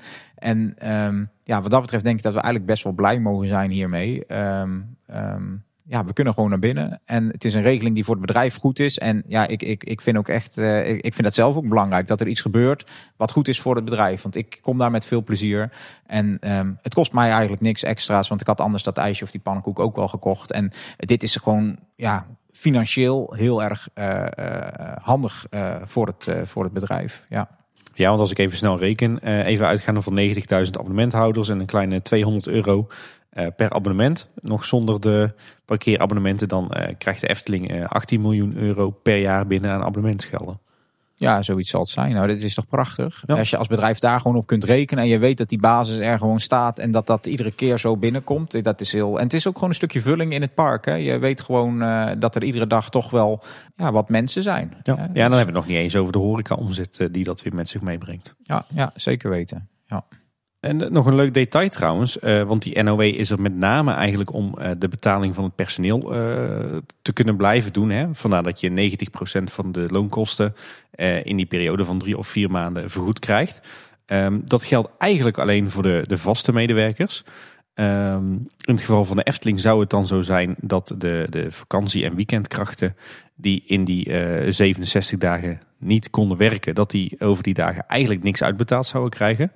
Want die hebben een, een 0 uren contract of een 4 uren contract. Nou ja, je bent niet ingezet, dus je wordt niet betaald. En de Efteling heeft er op dat, eh, toen voor gekozen om eh, al die eh, vakantie- en weekendkrachten wel uit te betalen. En wel met het gemiddelde maandsalaris wat ze een x aantal maanden daarvoor verdienden. uit eigen zak. Want dat kregen ze dus niet vergoed vanuit de NOE. Ja, dit, ik, ik, eh, ik was daar eh, heel positief door eh, verrast. Ik, dat is echt weer zo'n beetje dat je denkt van ja, dit is toch wel dat maatschappelijk betrokken ondernemen eigenlijk. wat, wat de Efteling toch wel in, zit, in zich heeft. Ehm, of toch wel, wat, wat ze zeker in zich hebben. En ik denk dat daar ook wel gewoon die hele structuur met die stichting. En eh, in de statuten staat natuurlijk, wij zijn ervoor eh, behoud, continuïteit, werkgelegenheid. Ja, dit- is typisch zo'n actie die heel goed past bij, Ja. die, bij die grondbeginselen, denk ik. ja. Ja. En, en wat ook natuurlijk een voorwaarde is nog bij die NOW, is dat je ook geen bonussen en dividend eh, mag uitkeren. Er is in de Tweede Kamer natuurlijk heel veel eh, over gesproken. Ehm, maar dat is eigenlijk voor de Efteling helemaal geen, geen punt geweest. Want ja, dat stond in dit jaarverslag zelfs al opgeschreven. Hè, dat ze dat zelf al maatschappelijk niet wenselijk vonden. Ehm, nou ja, dat, dat vindt de politiek nu dus ook. En dus ja, daar gaat, gaat geen winstuitkering aan eh, de aandeelhouder eh, plaatsvinden. Nee, nee en dat, eh, eigenlijk trekt de stichting dat nog verder door dan wa- wat strikt noodzakelijk is. Want in het jaarverslag over 2019 lezen we terug dat de stichting begin 2020 heeft geconcludeerd van gezien corona hoeven we ook over 2019 geen winstuitkering. Dus waar dat over die pak een beet eh, 19 miljoen euro winst normaal gesproken al 40% van naar de stichting zou zijn gegaan, hebben ze gezegd van nou doe dat ook alvast maar niet. Hou die winst maar lekker als BV in eigen zak. Eh, En dat gaan we dus straks in 2020 wederom zien. Ja, ja, hier zie je ook hoe, hoe mooi die constructie is van de Efteling. Hè. Ik vind hem echt heel interessant. Er zijn heel weinig bedrijven die dat zo hebben. Die dus wel winststrevend zijn, wel die BV-vorm hebben. eh, maar die dan gewoon maar één aandeelhouder hebben. En die dan echt die ideële doelen heeft. En ik denk dat we daar echt ja, heel, heel dankbaar eh, voor mogen zijn als liefhebbers ook. Eh, dat zo'n stichting gewoon zegt van nou ja, voor 2019 is het ook niet nodig. Hè. Hou dat geld maar in de, in de BV. En probeer daar toch nog maar wat investeringjes mee te doen. Probeer het personeel maar gewoon te betalen. En ehm, ja, probeer toch die bedrijfsvoering maar zo goed mogelijk door te voeren. Voor ons is die winst niet per se van, eh, eh, van belang. En dat is denk ik echt anders dan bij ehm, heel veel andere bedrijven waar er gewoon, gewoon echt aandeelhouders achter zitten. Die, eh, ja, die, die willen gewoon eh, rendement Ja, gaan zien. Die willen hun geld zien inderdaad. Ja. Ja, kijk, en voor de stichting, eh, de stichting zal, uh, zal ook echt niet gaan interen op het eigen vermogen als ze een jaar geen winstuitkering krijgen. Ik bedoel, wat heeft de stichting nou zelf voor kosten? Dat zal uh, verwaarloosbaar zijn. Misschien de betaling van het stichtingsbestuur, wat, wat grondkosten en bedragjes die ze betalen aan natuurbehoud en, Villa Padus. maar het is natuurlijk veel kwalijker als de Efteling in 2020 zou moeten gaan interen op het eigen vermogen. Ja, ja, dat zeg je goed. Ik, ik loop nog wel eens met de hond over het, eh, over het Loonse land. En dan zie ik ze op ouderwetse wijze het land uh, bewerken. Dat zijn volgens mij ook kosten die de stichting draait. Maar, ja. uh, of draagt, moet ik zeggen. Maar dat is, ik, ik ben het helemaal met je eens. Dat, dit is natuurlijk een kostenpost van helemaal niks daar bij die stichting. Dus al moeten ze jarenlang geen winstuitkering krijgen, dat, dat, daar ligt daar niemand wakker van. Zal het in het jaarverslag al wel over corona en COVID-19? Ja, dat is eigenlijk raar, want je zou zeggen, het, het is toch een jaarverslag over 2019. Dus het gaat vooral over de gebeurtenissen in 2019. Uh, maar het is natuurlijk gepubliceerd uh, ergens in het eerste of tweede kwartaal 2020. En je ziet dat ze daar wel heel erg op voorsorteren op de resultaten over 2020. Want er, er wordt behoorlijk wat vermeld in het jaarverslag over wat ze nu aan het doen zijn om de financiële schade van de, de coronacrisis binnen de perken te houden. Ja, je, je ziet zo'n jaarverslag wordt meestal ergens in het voorjaar wordt dat uh, gepresenteerd. Zo hè, april, mei uh, ongeveer. Uh, dan heeft de afdeling finance de tijd gehad om alle getallen van het jaar daarvoor allemaal te verwerken. Dan moet het nog naar de accountant toe. Um, dus eigenlijk is dit verslag uitgekomen midden in die, in die coronasluiting. Midden in die lockdown. Ja, dan is het natuurlijk raar om daar helemaal niets over te zeggen. Hè? Want, um, dus, dus je ziet daar wat dingen over staan. Ik heb wat citaten. Um, daarnaast is er de laatste twee weken voor de definitieve sluiting ook sprake geweest van aanzienlijke omzetvermindering bij zowel het attractiepark als bij de geplande evenementen. Je ziet eigenlijk al dat voor uh, die, die 14 maart, hè, dat eigenlijk de problemen al begin maart gewoon beginnen. Hè. Dat mensen zeggen van nou, ik uh, ga thuis blijven, ik durf het niet meer, uh, boekingen afzeggen. Um, dus dus ja, de pijn begint daar eigenlijk al wat, wat eerder is ook wel herkenbaar hoor. Ik ben die laatste paar dagen voor de, de lockdown nog behoorlijk vaak nog even snel naar de Efteling geweest. Wetende dat die lockdown er waarschijnlijk aan zat te komen. En zeker die laatste paar dagen voor de lockdown was het park gewoon uitgestorven. Ja, ik ben nog de laatste dag geweest en ik, ik had echt zoiets. Ik liep daar weg en ik denk, nou, ik heb, eh, zal ik Aquanura nog kijken? Ja, ik heb eigenlijk niet zo'n zin. Nou, nou, weet je, ik was met een vriend die zei, ja, kijk nou nog maar, want je weet niet uh, hoe lang het nog kan duren. En ik had echt zoiets van, nou ja, over een paar weken lopen we hier toch wel weer hè, met dat gekke virus. Uh, ja, nee dus. Is nog een ander citaatje, is ook wel leuk, denk ik. Um, de gevolgen van COVID-19 raken daarnaast de liquiditeit. De ruimte binnen de huidige kredietfaciliteit is op korte termijn voldoende. Om ook op lange termijn te beschikken over voldoende kredieten zijn we in gesprek met onze banken om extra ruimte te creëren binnen de huidige of eventueel aanvullende faciliteiten. De banken tonen hierbij een positieve grondhouding. Buiten de impact op de liquiditeit en de omzet zijn de gevolgen voor de financiële situatie beperkt, gezien de huidige vermogenspositie van de Efteling. Kijk. Dit is toch wat je wil horen? Ja, precies. Dus wat er eigenlijk staat uh, op, uh, op Jip en Janneke, als het gaat om uh, het kunnen blijven betalen van de medewerkers, de energierekening en de factuurtjes, zijn we in overleg met, met de banken om daar wat meer ruimte te krijgen, hè, om wat verder in het rood te kunnen gaan. In die weken dat er bijna geen omzet binnenkomt. En dan breien we dat later wel weer recht. Nou, dat, dat zeg jij heel goed in je Janneke taal inderdaad. ja. ja, die liquiditeit is gewoon, kun je op korte termijn betalen wat je moet betalen. En daar hebben we het natuurlijk de vorige aflevering ook over gehad. Als daar problemen komen, daar ga je gewoon echt aan failliet. Hè? Uh, als je je rekeningen niet meer kunt betalen, dan heb je echt een probleem. Uh, we hebben de vorige aflevering natuurlijk ook gezien dat, uh, dat rekening courant te goed hadden. Hè? Of die rekening courant faciliteit, hoe je het wil noemen. Die 47,5 miljoen euro, waarbij ze ja, gewoon tot dat bedrag in, in, ja, in de min kunnen staan als ze dat willen. Ja, dat hangt er vanaf hoe ver dat krediet benut is. Hè. En dat is eigenlijk wat hier staat. Hè. Uh, extra ruimte te creëren binnen de huidige uh, faciliteiten. Dus dat ze uh, wellicht die faciliteit wat op kunnen rekken, die 42,5 miljoen. Of was het 47, ik weet het al niet meer. 47,5 miljoen. miljoen zelfs. En eventueel aanvullende faciliteiten. Dus dat is wat heel veel bedrijven natuurlijk ook hebben gedaan. Wat banken ook actief hebben aangeboden. Hè. Die hebben echt gezegd tegen hun klanten van jongens, wij willen echt helpen. Uh, de banken, dit is ja, ook wel, wel leuk. Die gebruiken deze crisis echt om hun uh, reputatie wat op te poetsen. Dus je ziet eigenlijk bij de vorige crisis 2008. Eh, daar waren banken de oorzaak hè, eh, van de crisis. Ja, ja, ja. En nu pakken ze echt hun kans en denken ze: oké, wij willen nu echt onderdeel van de oplossing zijn. Dus je ziet banken heel veel eh, ja, doen om hun imago te verbeteren. En ook echt ja, op bedrijven afstappen van: joh, wij willen best helpen. We willen soepeler zijn met eh, aflossingen die je misschien eh, moet doen en die je uit kunt stellen. Rentebetalingen. Ja, geld is natuurlijk heel goedkoop.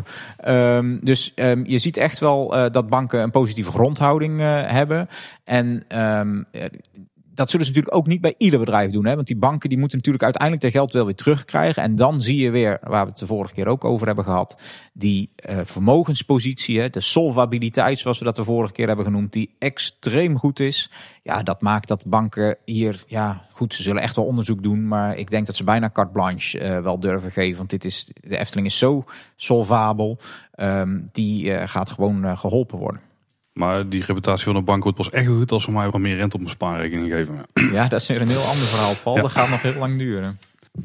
Hey, wat ik ook nog wel een interessante kwestie vind. eh, een collega-podcast eh, die is daar nogal stellig in. Eh, jullie mogen zelf raden over wie dat we het dan hebben. Maar die roepen van eh, maak de entreeprijs van de Efteling nou eens eh, een stuk duurder. Want dat is eh, alleen maar goed voor eh, de sector. Maar wat betekent dat nou als we de entreeprijs van de Efteling zouden verhogen? Ja, ik heb daar ook eens aan zitten rekenen. Hè. Eh, De vraag is eigenlijk hier, als we nou 1 euro erop zouden zetten, de entree- entreeprijs, wat levert dat nou uiteindelijk op? Nou, dan moeten we een beetje gaan kijken. Ehm, het, het, het bedrijfsresultaat voor belastingen was in 2019 28,7 miljoen. Dat was dus eigenlijk de winst nog voordat er belasting is betaald. De bruto winst. De bruto winst, ja. zeker. Nou, dan wordt er uiteindelijk belasting betaald en blijft er 19,3 miljoen euro over. Dus dat betekent dat er 9,4 miljoen euro aan belasting betaald is in 2019. Nou, als ik daar een percentage van maak, dan kom ik op zo'n 32,75% winstbelasting. In 2018 heb ik zo'n soortgelijke berekening gemaakt en dan kom ik op 28,5% winstbelasting uit. Ik had hier nogal wat vragen bij, die hebben we ook opgestuurd eh, naar de Efteling. Ehm, want, nou ja, goed, eh, misschien moet ik daar wel niet te diep op ingaan, want het eh, wordt erg ingewikkeld met belasting, latenties en dergelijke. Ik, ik heb er eigenlijk hiervoor gekozen, weet je wat we doen? We gaan er gewoon vanuit, gemiddeld hè, 32%, 28%. We gaan gewoon even gemiddeld uit. De Efteling betaalt gewoon ongeveer 30%. Hè. Het is toch een beetje ehm, natte vingerwerk. Ongeveer zo'n 30% winstbelasting. Als we daar nou van uitgaan dan zou je kunnen zeggen, ehm, de huidige entreeprijs eh, is volgens mij 45 euro, de hoogste, als ik het goed zeg, goed heb opgezocht. Ehm, dat is natuurlijk een entreeprijs waar BTW in zit. Ehm, dus die 45 euro, die zou je eigenlijk op 109% moeten stellen. De Efteling zit in het eh 9% BTW-tarief. Als ik dan terug ga rekenen van die entreeprijs van 45 euro, daar zit dus 9% BTW in. Dus 9 op 109, eh, dat is dan eigenlijk wat de BTW is. En dat komt dan voor de Efteling neer op 3,72 euro BTW op een entreekaartje van 45 euro. Stel, ik maak daar 46 euro van. Dan kan ik zo'nzelfde soort berekening gaan maken. En dan kom ik erop uit dat er dan aan BTW in gaat zitten 3,80 euro. Stel nu dat we dat gaan doen. Hè. We gaan die entreeprijs van 45 naar 46 euro zetten. Dan weten we dat de Efteling daar dus zo'n ehm 8 cent, hè, want we hadden 3,72 euro BTW bij een prijs van 45 euro en 3,80 euro BTW bij een prijs van 46 euro. Dus er zit zo'n 8 cent aan BTW-afdracht in die 1 euro. Maar ze hebben ook nog ongeveer hè, eh, die 30% belasting die we net hebben uitgerekend. Dus als ik dan ga kijken, we gaan de entreeprijs verhogen met 1 euro. Dan haal ik er 8 cent vanaf aan BTW. Haal ik er nog 30 cent aan af van eh, de winstbelasting. En dan zou er dus zo'n 62 eurocent overblijven voor de Efteling. Dat is niet zomaar geld harken. Hè? Eh, van we gaan even 1 euro erop zetten, dus we houden er 62 cent aan over. Ehm, je moet je voorstellen dat er natuurlijk jaarlijks inflatie is. Hè? En inflatie betekent dat prijzen stijgen. Eh, in 2019 eh, ehm, was de inflatie 2,6 procent volgens het Centraal Bureau voor de Statistiek. Dus dat zou betekenen ehm, dat allerlei prijzen dus ook gestegen zijn. Hè? Dus de inkoop van die frikandellen van jullie en die inkopen ja, Van de Mexicano's, ja. ja, van de Mexicanos. Alles, alles is dus ongeveer zo'n 2,6% eh duurder geworden. Nou, dus dan zou je zeggen 45 euro, hè, die entreeprijs, eh, daar 2,6% van. Dat zou alleen al gerechtvaardigd zijn, alleen al vanuit de inflatie, om de prijs dus te verhogen met 1,17 euro.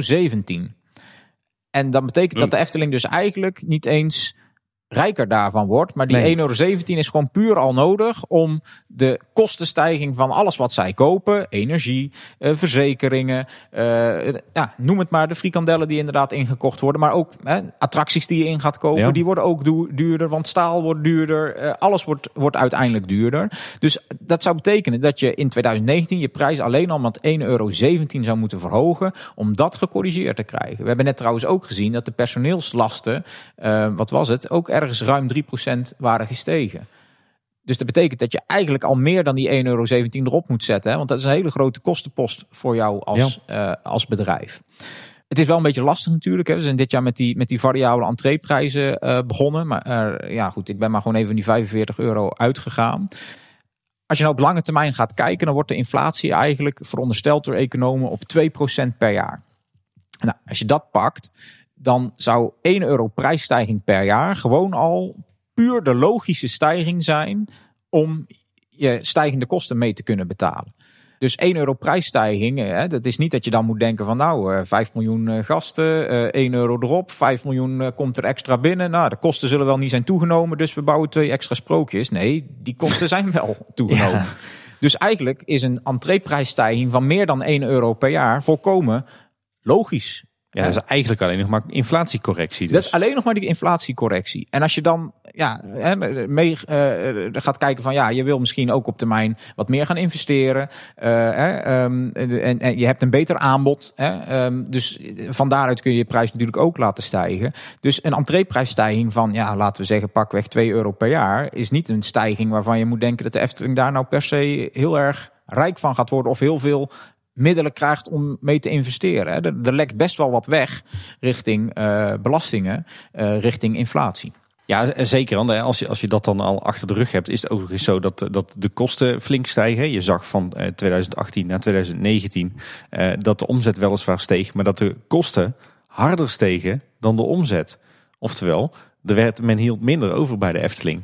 Ja, je zag inderdaad die personeelslast sterk stijgen. Je zag de pensioenafdrachten zag je sterk stijgen. Dat was ook wat, wat in het jaarverslag zelf werd aangegeven door de Efteling. Ehm, eh, plus de openingstijden, die zijn verruimd. Ja, dat zijn wel allemaal dingen. Ja, dat kost natuurlijk gewoon eh, geld. Ja, terwijl de entreeprijs van de Efteling is eigenlijk niet aanzienlijk gestegen de afgelopen jaren. Eh, voor zover ik mij kan herinneren. Dus eigenlijk, die, die extra omzet, die verdienen ze nog niet eens zozeer vanuit de entreeprijs. Die komt dan ook vanuit andere bestedingen. Vanuit verblijf, vanuit horeca, vanuit eh, theater. eh, dat soort eh Ja, en, en je moet natuurlijk rekenen dat er de afgelopen jaren natuurlijk een enorme stijging is geweest in de bezoekersaantallen. hè. En dat maakt Ja. uiteindelijk in je omzet natuurlijk ook veel Ja. goed. Waardoor dat je de prijs per product dan relatief weinig kan laten stijgen. Maar je omzet wel, wel meegroeit natuurlijk. Maar ehm, ja, het, klassieke verhaal van de Efteling heeft aan het begin van het seizoen de prijzen eh, verhoogd. En eh, eh, alle, alle media staat op zijn kop, want het is toch weer zoveel duurder geworden. Ja, dat is, dat is ik, ik, ja, ik erger mij daar ieder jaar weer aan. want ja, alles wordt duurder. Hè? Ehm, en gelukkig groeien de lonen natuurlijk ook mee. Hè? Ehm, dus ja, dit is logisch dat we niet meer voor 1 gulden of 50 cent of weet ik het wat naar binnen kunnen. En dat, dat, dat vinden we heel logisch op lange termijn. Hè? Iedereen snapt dat je nu niet meer voor 50 cent naar binnen kan, wat eh 60 jaar geleden wel kon. Ehm, maar op korte termijn werkt het uiteindelijk precies hetzelfde. Alleen Ja. zijn de sprongetjes natuurlijk allemaal wat kleiner. Ja, zolang de salarisstrook maar eh, met hetzelfde percentage stijgt als de inflatie, dan eh, liefst wat meer. Dan Ja, liefst wat meer. Ja, hoor je mij niet klagen. Precies. Dus eigenlijk om je vraag te beantwoorden, wat levert 1 euro extra entreeprijs nou op? Ja, helemaal niks. Ja, dat is ook weer heel moeilijk te zeggen. Maar ja, goed, het is eh, eh, eigenlijk die 62 cent zou je kunnen zeggen. Hè. Haal er een stukje BTW af, haal er een stukje eh, eh, ehm, eh, ehm, eh, winstbelasting af. Ja, dan blijft daar zo'n zo'n 62 cent van over. Maar ja, goed, dan heb je dus nog helemaal geen rekening gehouden met die, met die inflatie. Dus ehm, ook dit is weer lastig om te vertellen. Maar ja, we hebben in ieder geval ehm, een poging gedaan. En ik denk dat we ook echt wel wat dichterbij komen bij het idee van... wat doet nou 1 of 2 euro eh entreeprijsverhoging eh, eh, voor de Efteling? Ja, dan heb je het dan nog niet eens over wat dat doet met, met, met de vraag. Hè? Want het kan best zijn, want dan denk je van nou zet er maar 5, 6, 7, 8 euro bovenop. Want dan, dan hebben we die inflatiecorrectie en die, die belastingafdracht gehad en de rest is pure winst. Maar ja, wat doet dat met je bezoekersaantal? Dus wat doet dat dan vervolgens met je omzet vanuit eh entree-tickets? Dat telt natuurlijk ook nog. Ja, dat is zeker waar. Dan, dan ga ik weer even op de, op de docentenstoel zitten. Dan komen we even terug op je middelbare schooltijd. Ehm, de prijselasticiteit van de vraag, weet u hem nog? Oh ja, ja, zeker. En als je je prijzen gaat verhogen, ehm, dan, eh, dan betekent dat automatisch dat er meer vraag, eh, of sorry, dat er minder vraag gaat komen natuurlijk.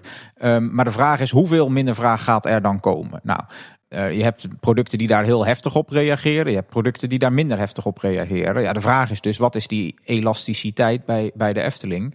Ik denk dat we het eigenlijk wel een beetje weten door die Albert Heijn actie. Uh, ik weet nog in de tijd toen ik bij de Efteling werkte, toen was de Albert Heijn actie werd gestart zo'n beetje. Um, en ik geloof dat er toen 25% van de prijs afging.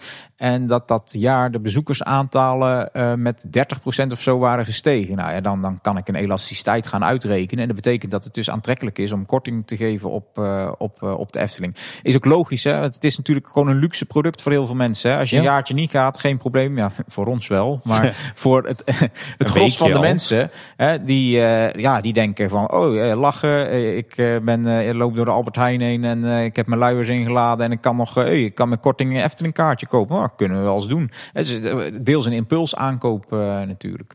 Ja. Is wat je zei. Het is geen, geen primaire levensbehoefte. Hè? Een dagje Efteling. Voor ons drieën wel hier aan tafel. Maar ja, voor De, de gemiddelde Nederlander natuurlijk niet. En dan speelt ook nog eens mee dat de Efteling ook heel duidelijk zegt. de Efteling bij monden van de directie. Maar ook de stichting natuurlijk. Dat een dagje Efteling voor iedereen beschikbaar moet kunnen zijn. Dus je kan de prijs ook weer niet dusdanig laten stijgen, vind ik althans, dat het echt een onbetaalbaar luxe product wordt. Ja, ja, ja. Ik, ik, blijft altijd een lastig verhaal wel, vind ik hoor. Want ik, ja, is de Efteling betaalbaar nu voor iedereen? Ik weet het niet hoor. Als je met je gezinnetje en je hebt echt geen, uh, uh, ja, je zit niet zo in de slappe was, dan, dan is het behoorlijk afrekenen. Um, volgens mij is er op een gegeven moment een directeur ook geweest die iets zei wat ik zelf eigenlijk ook altijd wel zei. Um, het is um, uh, veel geld. Volgens mij was dat Bart de Boer.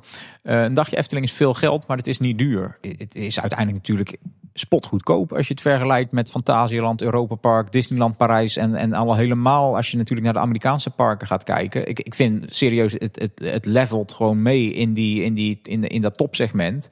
Maar het heeft natuurlijk eigenlijk uh, internationaal gezien echt een, een heel uh, lage prijs. Maar ja, dat betekent niet dat het niet veel geld is voor veel mensen. Ja, ja en, en ook niet, niet alleen als je het afzet tegen andere internationale topparken, maar ook als je het in eigen land afzet tegen ander vermaak. En je kijkt even naar het aantal uurtjes dat je vermaak hebt. Zet een dagje Efteling maar eens af tegen eh, een avondje escape room. Of tegen een dagje Lowlands of Pinkpop. En nou, dan zul je zien dat een dagje Efteling dan eigenlijk nog best wel goedkoop is voor eenzelfde niveau van vermaak. Ja, helemaal mee eens. Ja. Ik heb ook nog snel zitten rekenen, want ik vind het ook vet interessant. Um, jij niet, jouw iPhone. Ja, ik kan er zelf niet zo heel goed mee. maar ik was wel benieuwd van, eh, stel je verhoogt de prijs dus met een euro, wat levert er dan onderaan de streep uiteindelijk op? Dus als je naar de totale cijfers kijkt. Nou, ik heb echt heel, heel slecht zitten rekenen. Maar als we even uitgaan van 5 miljoen 260.000 bezoekers op een jaar, dat was in 2019 namelijk het geval. Dan hebben we 90.000 abonnementhouders. Nou, die hebben in principe, daar gaan we even uit dat de prijzen daar dan niet van stijgen. Die komen vijf keer gemiddeld hebben gepakt. Nou, dat is wel dat is behoudend. Conservatief. Maar dan hebben de meeste een abonnement eruit. Dus daar gaat iedereen wel naar. Daar gaat er ongeveer 450.000 bezoeken af. Dan houden we dus wat over. En daar hebben we dus een euro bovenop gezet waar we 62 cent van overhouden. Mm En daar ben ik dus ook van uitgegaan dat dus de abonnementhouders niet super vaak komen. En dat ook de mensen in de verblijfsaccommodaties, dat die dan ook voor het volle pond worden meegerekend. En dat die dezelfde stijging hebben gekregen. Ja? Kunnen we volgen? Ja. In dat geval zou het betekenen dat er ongeveer 3 miljoen aan uh, extra omzet bij zou komen.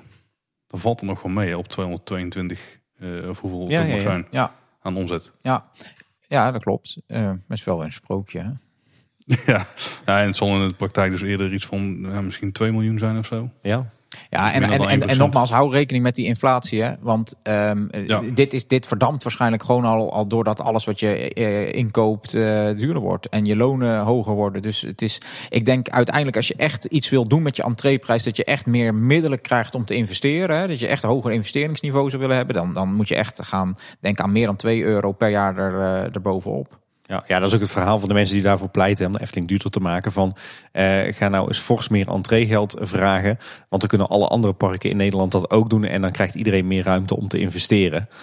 Uh, ja, goed, ik heb dan altijd zoiets van: het is niet aan de Efteling om ervoor te zorgen dat andere parken, dus concurrenten, meer kunnen investeren. Ja, plus als je dus net kijkt naar mijn hele schrale berekening. Maar stel dat je dan 5 euro erop zou zetten. Dan levert er onderaan de streep effectief misschien 5% meer omzet op. Omdat de rest dus gewoon van heel veel andere plekken ook vandaan komt. Vooral uit de horeca, maar ook verblijf.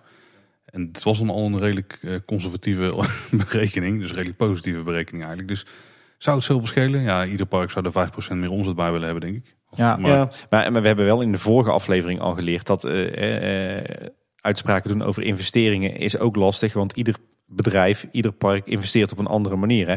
We zien dat de Efteling eh, vrijwel alle investeringen, behalve die in verblijfsaccommodaties, gewoon uit de omzet van het jaar ervoor doet. Uit de eigen middelen, uit het eigen vermogen. En eh, daar geen geld voor leent. Terwijl andere parken eh, gaan eh, dat geld voor die investering eh, volle bak lenen bij de banken. En hebben de jaren daarna ieder jaar een berg rentelasten en afschrijvingen op die leningen. Dus ook dat kan je eigenlijk niet vergelijken. Hè. Je kan niet zeggen dat als de Efteling er een paar euro opzet, dat andere parken dat ook kunnen doen. En dat er dus voor al die parken meer investeringsruimte is. Want het ene park investeert weer op een heel andere manier dan de Efteling. Ja, het is anderzijds natuurlijk wel zo. ehm, je hebt altijd de, de, de marktleider, heet dat dan. Hè? Dat is toch wel een beetje de, ehm, eh, partij die dan leidend is. Nou, daar hoeven we niet lang over te hebben. Daar is natuurlijk duidelijk de Efteling eh, hier in de wijde omstreken. En die bepaalt natuurlijk wel een beetje het, het, ja, de plafondprijs. Hè? Ehm, daar, daar, daar kan een ander gewoon eigenlijk niet, eh, niet overheen. Aan de andere kant kan het misschien trouwens ook wel. Hè? Ik bedoel, eh, Fantasieland is ook maar twee uur rijden. En die, die schiet er dik overheen. En die hebben toch ook eh, ja, 2 miljoen bezoekers. Ja, maar denk ook aan de luxe belevingen. Denk ook aan Halloween in eh, een aantal Nederlandse parken. Als je daar een beetje ervaring wil hebben met allerlei eh, fastpassen en, en, en eh, allerlei eh, bijzondere evenementen en eh, onbeperkt toegang tot spookhuizen, dan eh, heb je het ook over hele andere bedragen dan eh, eh, de entreeprijs van Efteling, waar er dan wel alles in zit op een normale dag. Dus Ja. het kan wel. Alleen ja, moet je dan een, een, soort van luxe product gaan verkopen. Ja, ja dat, doen ze slim. Wat, ze, ze, ze, pakken het niet in de, in de entreeprijs. Ehm, maar dan gaan ze op andere plaatsen natuurlijk Ja. eh, wat meer doen. Ik, het valt mij ook altijd op. Hè, dat de horeca in de Efteling vind ik ook altijd goedkoop eh, ten Ja, opzichte zeker. van andere parken. De, de- soms zelfs, ik weet nog een paar jaar geleden, ik weet niet meer wat het nu kost, maar een raketijsje voor, voor 80 cent of zo. Eh, Ik denk, van, het is, het is gewoon bijna ja, lief. Ik, ik was toen net in Plots, Plopsaland geweest. oh ja. Ik, ik schrok me helemaal kapot. En, en, en, en dan zo'n raketijsje. En dat is echt ook weer zo'n in het idee van die stichting zo van hè, als je niet te veel te besteden hebt, hè, je, er is toch een ijsje voor onder een euro of zo. Ja. Maar eh, let daar maar eens op, want een aantal eh, typische horecaproducten zijn in de Efteling echt aanzienlijk goedkoper dan in, eh, vergelijkbare parken.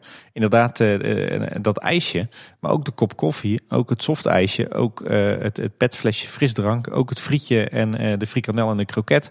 Al dat soort basisproducten zijn in de Efteling echt niet zo gek duur. Wel als je het afzet ten opzichte van de snackbar op de hoek. Maar goed, die hoeft ook geen heel attractiepark te onderhouden met eh 3500 man personeel. Maar vergelijk je het met, met een Walibi, met een Toverland, met een Plopsa. Dan, dan zit de Efteling wel redelijk aan de onderkant van de verkoopprijzen qua horecaproducten. ja, ja dat, is, dat is zeker waar. Ja. We zullen ook niet te ver vooruitlopen op eh, volgende onderdelen van de aflevering. Want we gaan dadelijk nog adviezen geven aan het park. Ja, precies. Voor zover we dat kunnen. Ik Maar- heb nog geen advies gegeven, Paul. Hoorde jij een advies? Nou, ik zag er wel de aanloop er naartoe eh, een beetje verschijnen. Wat heb je nog meer uitgerekend, Roel? Ja, ik heb eh, nog, eh, nog iets gevonden over het parkeergeld. Maar ja, dit heeft ook een ontzettend hoog armchair eh, finance gehaald. Dus dit is echt gewoon een beetje gokken. Maar nou goed, toch leuk hè. Ehm, 5,26 eh, miljoen, eh, miljoen bezoeken in 2019. Ehm we hebben natuurlijk een behoorlijk aantal mensen dat in, in, in het verblijf is geweest. Het betaalt natuurlijk geen parkeergeld. Nou, eh, ik heb even zitten rekenen. 3151 bedden. Hè. Laten we zeggen dat die gemiddeld zo'n 80% bezet zijn. Hè, dat is mijn gokje, maar is wel enigszins gebaseerd op wat in het land een beetje blijkbaar is. Dat is denk ik wel fors hoor, als je over het hele jaar heen kijkt. Maar goed, ik, ja, eh, nou, het is oké. armchair ja, ja, finance. zou kunnen. Eh, het- het- het- het- ja, volgens mij heb ik ook wel eens gehoord dat het echt wel goede bezettingsgraden zijn. Maar ja, goed, het is misschien in de zomer dan. Maar in ieder geval, dan kom je ergens op zo'n ehm, ehm, 920.000 bezoekers uit verblijf per jaar. Maar toen dacht ik, je hebt natuurlijk ook de wisseldag, hè, waarbij dat eh, de, de vrijdag bijvoorbeeld, hè, de, de midweekgasten zijn er nog, eh, maar de weekendgasten die komen ook. Dus je hebt natuurlijk op die wisseldagen ja, dubbele bezoeken. Nou, ik heb gewoon maar wat lopen gokken. Laten we zeggen dat er 1,1 miljoen bezoeken per jaar van het verblijf zijn. Geen idee, maar het lijkt me een aardige gok. En dan hebben we natuurlijk nog bezoekers die met fiets komen, die met openbaar vervoer komen, per taxi, per touringcar of eh, te voet. Zoals wij. Ja, zeker. en um, dat is natuurlijk moeilijk in te schatten. Hoeveel mensen zijn dat? We weten wel dat de directie al heel vaak heeft aangegeven dat echt veel bezoekers per auto komen. Dat die parkeerplaatsen, als ze die wilden uitbreiden, was toch iedere keer het verhaal dat, dat, dat, dat er werd gezegd: moet het nou echt zoveel zijn? Ja, mensen willen toch echt met de auto uh, bij de Efteling komen. Nou ja, eh, laten we zeggen um, um, dat er totaal uh, dan zo'n 3 miljoen bezoekers met de auto komen en ervoor betalen. dus dan heb ik die verblijfsgasten eruit gefilterd, plus uh, alle mensen die met de fietstaxi enzovoorts uh, komen, openbaar vervoer. Ik weet dat er drie bezoekers gemiddeld in een auto zitten uh, vanuit vroeger. Um, ik denk dat dat nog steeds wel zo zal zijn.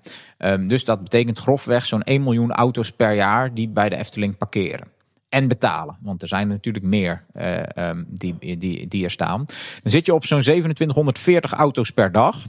Met een parkeertarief van 12,50 euro.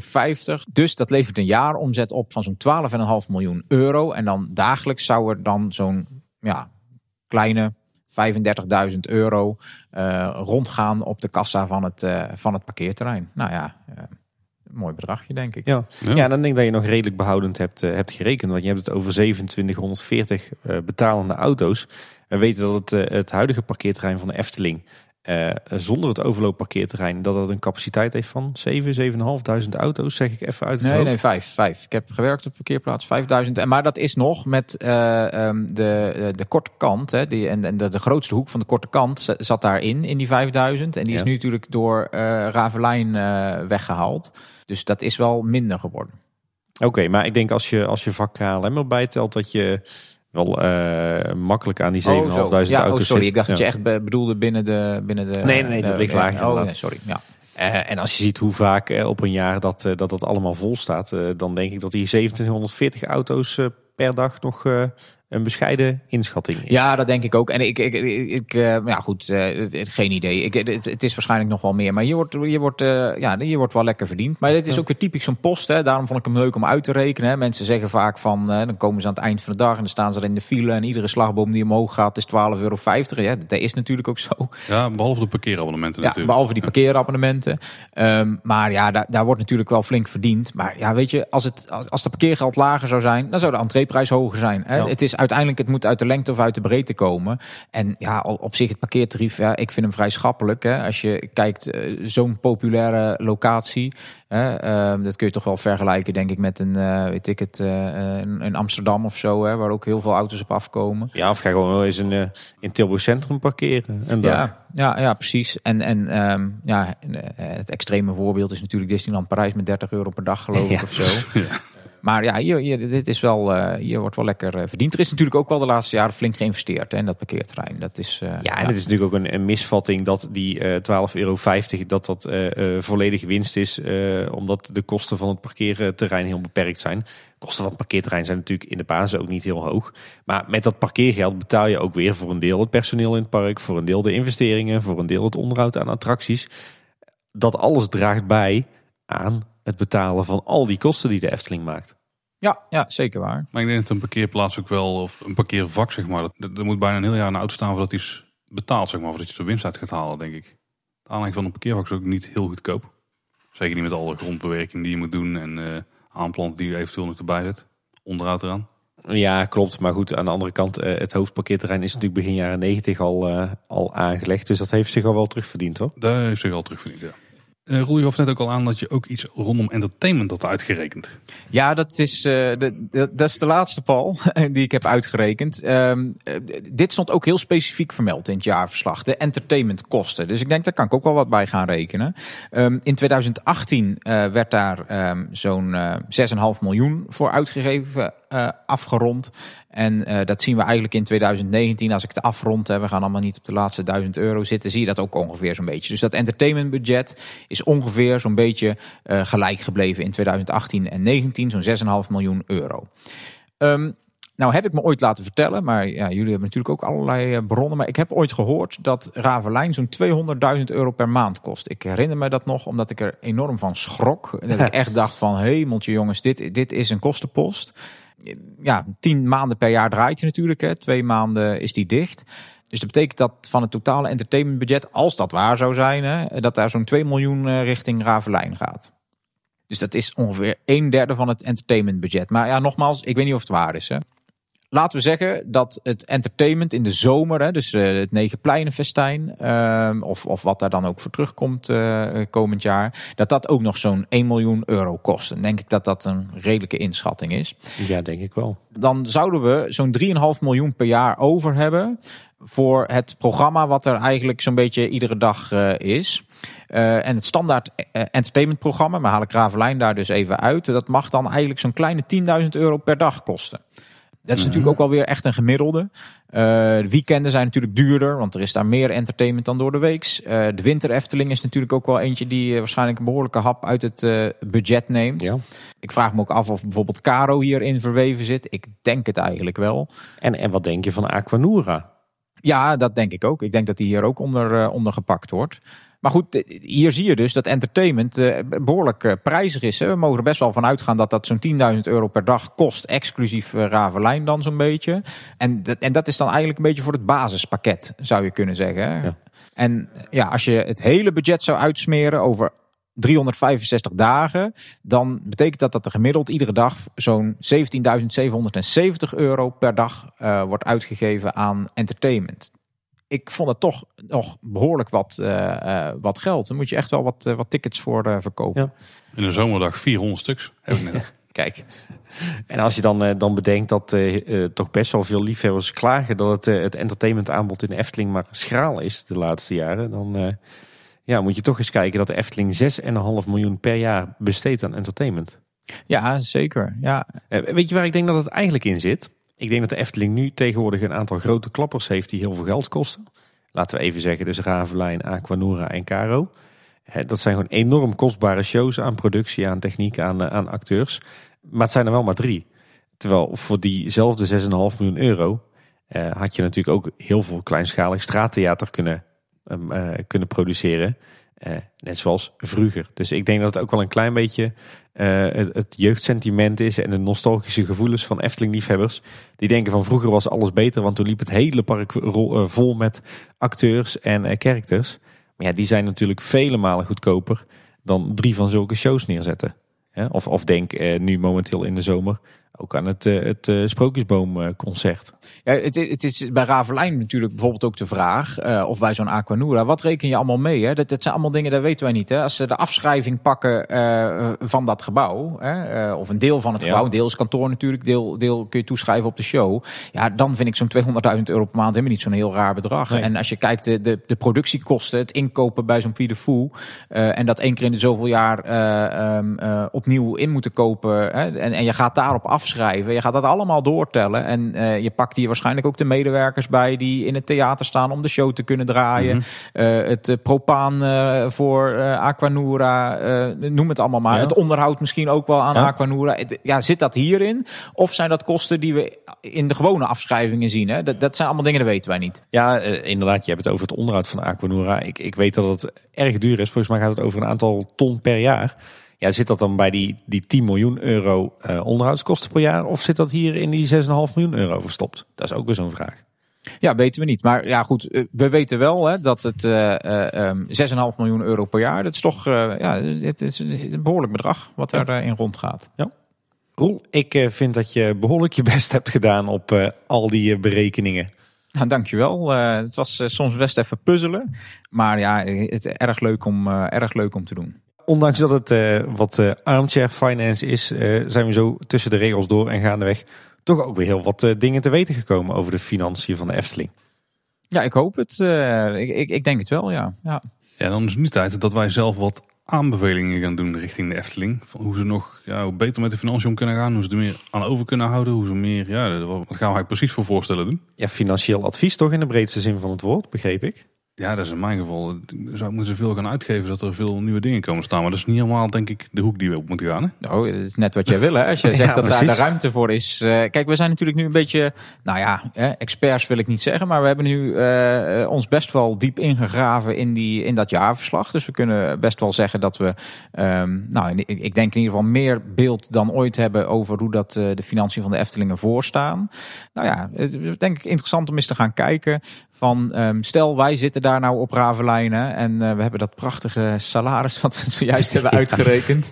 Um, ja, wat, wat zouden wij nu zelf eigenlijk um, ja, adviseren aan, aan de Efteling? Dat is een interessante vraag. Gelukkig hebben we daar ook enkele weken de tijd voor gehad om daarover over na te denken. Tussen de opname van deel 1 en deel 2 van deze serie.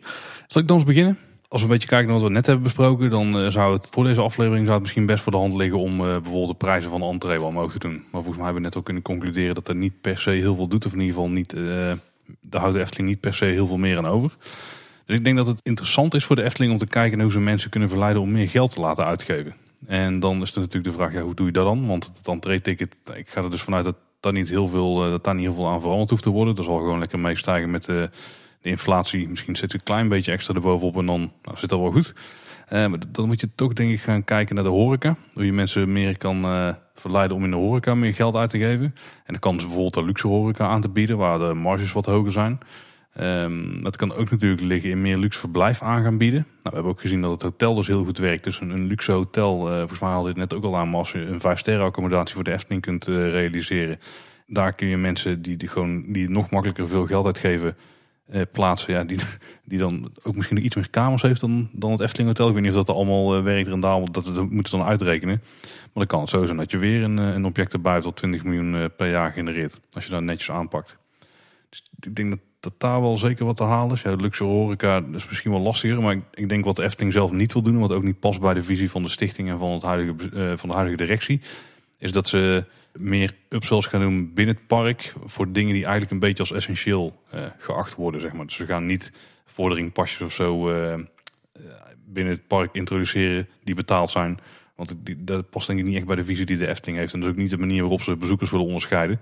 Maar als jij luxe wil verblijven rondom de Efteling, ja, dan, daar, daar kies je dan zelf voor, weet je wel. En je kunt ook qua horeca kun je gewoon kiezen voor bepaalde ervaringen. Waarbij je overigens op dit moment misschien een van de betere ervaringen ook niet eens de duurste is. Polles Keuken namelijk. Dan kun je voor een heel schappelijk bedrag in een hele toffe omgeving eten. Of het poffertje, wat er eigenlijk al uh, sinds 1992 staat. Nou, als je dat dan vergelijkt met Panorama, net is weer iets minder. Maar ik denk dat er nog wel ruimte is voor een eh, luxe horeca eh, locatie. Waar ze dus flink wat geld kunnen verdienen. Ja, dus jij zegt uh, vooral inzetten op uh, omzetstijging uh, door meer verblijfsrecreatie en luxe horeca. Ja, volgens mij kan ik me ook een verhaal herinneren van, van Disneyland in Anaheim. Als je in eerste instantie had je daar op Main Street dat je best wel veel externe ehm, restaurantjes en, en, en vendors zitten, zeg maar. En op een gegeven moment heeft Disney besloten, en we gaan dat zelf in huis doen. En toen zagen ze echt enorme omzetstijging, omdat ja, daar werd gewoon heel veel geld uitgegeven. En dat ging in eerste instantie allemaal weg naar andere mensen die dan wel een beetje huur betaalden hun. Maar alle winsten die daar verder uitkwamen, die hielden die bedrijven en die kwamen nu in één keer bij hunzelf binnen. Dus dat is wel een gebied waar je enorm veel, uh, waar nog enorm veel te halen denk ik, voor de Efteling. Dus ook wel een beetje het type bezoeker wat je dan trekt. Want ik denk dat de buitenlandse bezoeker makkelijker veel geld uitgeeft dan uh, de Nederlander. Ja, ook omdat ze misschien wel vaker komen, maar die, de, buitenlandse bezoekers zijn echt meer in die vakantiesferen. Dus ik denk dat je daar nog wel wat extra kunt weghalen voor zowel horeca als verblijf. Ja, ja het zit ook een beetje in de cultuur. Hè? Want ik heb van de verschillende medewerkers uh, op Bosrijk en het Loonse Land begrepen dat een Belgische familie uh, echt een veelvoud aan horeca-uitgaven doet tijdens een vakantie uh, op Bosrijk of het Loonse Land dan bijvoorbeeld de Nederlandse familie omdat de Belgische families zijn vaak, die komen vaak met de hele familie, zijn wat meer Bourgondisch, zijn wat meer van lekker samen tafelen met een voorgerechtje en een nagerechtje en nog een drankje met alle kinderen erbij. Iedereen een drie, vier gangen diner. Uh, dus daar zit het ook wel voor een deel in. Ja, ik denk dat een Nederlandse gezin ook echt wel met de Jumbo-krat in het Bosrijkhuisje aankomt en zelf een keer gaat koken bijvoorbeeld. Jazeker. Zie ik eerder gebeuren dan bij heel veel buitenlandse gasten. Ook omdat het niet zo praktisch is om de Jumbo-kratje mee te nemen vanuit Engeland of zo. Maar en we vlakken de Duitsers ook niet uit. Hè? Dit verbaast me ook altijd als ik in Europa Park of in Fantasialand ben. Als je ziet, er wordt geconsumeerd. Joh. Dat is daar echt een heel groot deel van de omzet. Is daar volgens mij dat mensen daar blijven overnachten. Maar ook vooral dat ze gaan eten. Ik denk dat, dat je daar ook echt nog wel wat laat liggen uh, als Efteling gewoon eh, de braadworst, eh, eh, het, het, een minuutje wat groter maken, wat, wat royaler maken. Dus nu is het vaak zo dat je een frietje en een frikandel en door. Um, wat bij Disney bijvoorbeeld altijd heel slim vindt, is daar, daar, daar kun je dat ook wel doen. Maar daar heb je ook vaak die minuutjes. Hè? Saladetje erbij, drinken erbij, een ijsje meteen erbij. En dan heb je meteen voor iets van 14, 15, 16 euro. Heb je een compleet minuutje in een fastfood restaurant. Ja, dat zie je eigenlijk bijna iedereen doen. Dus ja, als je daar gaat eten, dan ben je al gauw 15 euro kwijt per persoon. Bij de Efteling ben je gewoon klaar uh, met een frietje en een, en een colaatje voor uh, 5, 6, 7 euro. Maar kun je dat niet uitbreiden door daar meteen een toetje uh, en, en, en, en een salade of iets bij te doen? Uh, allemaal als optie zou ik zeggen. Dus eigenlijk met alles wat ik, wat ik hier dadelijk wellicht nog uh, ga noemen. Um, ik denk niet dat je dat, dat, dat, um, dat keiharde commerciële in de Efteling moet halen. Maar dat je best kunt zeggen van er zijn opties. Hè. Je hoeft niet bij Polles Keuken te gaan eten als je het niet wil. Je hebt ook een leuke dag als je dat niet doet. Maar het is er wel. Het kan wel. En we gaan niet lopen schreeuwen van ga nu hier zitten. want we willen die omzet hebben. Maar ik denk dat daar echt nog wel wat, wat te winnen valt. Ik denk dat je van eten gewoon meer een attractie moet maken. Of dat in ieder geval dan meer kan zijn. Ja, ik denk dat ook twee kanten op gaat. Hè? Want we hebben het vaak over meer luxe dining. Hè? Echt uh, de bediende restaurants erbij. Uh, uh, nou goed, Paul, jij, jij ziet graag iets verschijnen richting het Aziatische eten. Ben ik ook helemaal voor. ik denk dat je zeker in, in de Efteling wat, wat meer moet gaan doen met luxe dining. Maar aan de andere kant denk ik dat je ook aan in het middensegment en aan de onderkant ook verder kunt verbreden. Hè? Kijk maar eens een beetje wat nu hot is in de binnensteden. De hamburgerrestaurants, de Mexicaanse restaurants, de, de vega-tentjes, uh, de, de yoghurt-tentjes. ik noem maar een dwarsstraat. Wil, ik wil niet zeggen dat je dat meteen één op één in Efteling neer moet zetten als externe leveranciers. Maar ik denk dat er in alle segmenten van goedkoop tot duur nog allerlei opties zijn om meer te doen met, met ander eten, gezonder eten, uh, gethematiseerd eten. Ik denk dat daar uh, inderdaad op de horeca nog steeds veel te winnen is. Hoewel het uh, de laatste jaren natuurlijk ook al stukken beter is geworden qua aanbod en qua gezond en bewust. Ja, ik, ik, heb hem hier ook staan. Horeca is een groeimarkt. Uh, ik, ik denk dat daar echt heel veel nog te winnen is. En daar zijn stappen genomen, maar ik denk dat je daar echt er nog niet bent. Want als je, uh, wij wonen hier dan toevallig in de buurt, maar ga eens uh, rond zes uur, half zeven bij de plaatselijke Mac kijken en de Burger King en, en, en noem het maar. En recent nog die Lucky Apple, zo'n zo'n buffetrestaurant. Het is gewoon ramvol. Je, je ziet die auto's gewoon wegrijden om zes uur bij de Efteling en in de plaatselijke horeca. Ja, heel fijn hoor voor de Maar dat is allemaal omzet die weglekt. En ik, ik, um, ik, ik verbaas mij daar ook over. Want ik, Fons Jurgens heeft dat ook gezegd hè, bij zijn aantreden. Hè, letterlijk volgens mij. Van we zien gewoon dat we die omzet verliezen. Hè. De, um, ja, ik, ik, begrijp dat niet zo goed. Hè. Je hebt gewoon een locatie waar s ochtends uh, ieder jaar 5,4 miljoen mensen voorbij lopen. S'avonds komen ze daar ook weer voorbij. Ja, dat is toch gewoon een toplocatie voor, voor restaurants en, en, en noem het maar. En ja, hoe gaaf is het om niet in die sfeer eh, te kunnen blijven eten? En, en um, ja, dat is nu toch wel een beetje tot ziens uh, uh, om, om zes uur. Veel minder nog dan, dan tien jaar geleden of zo hoor.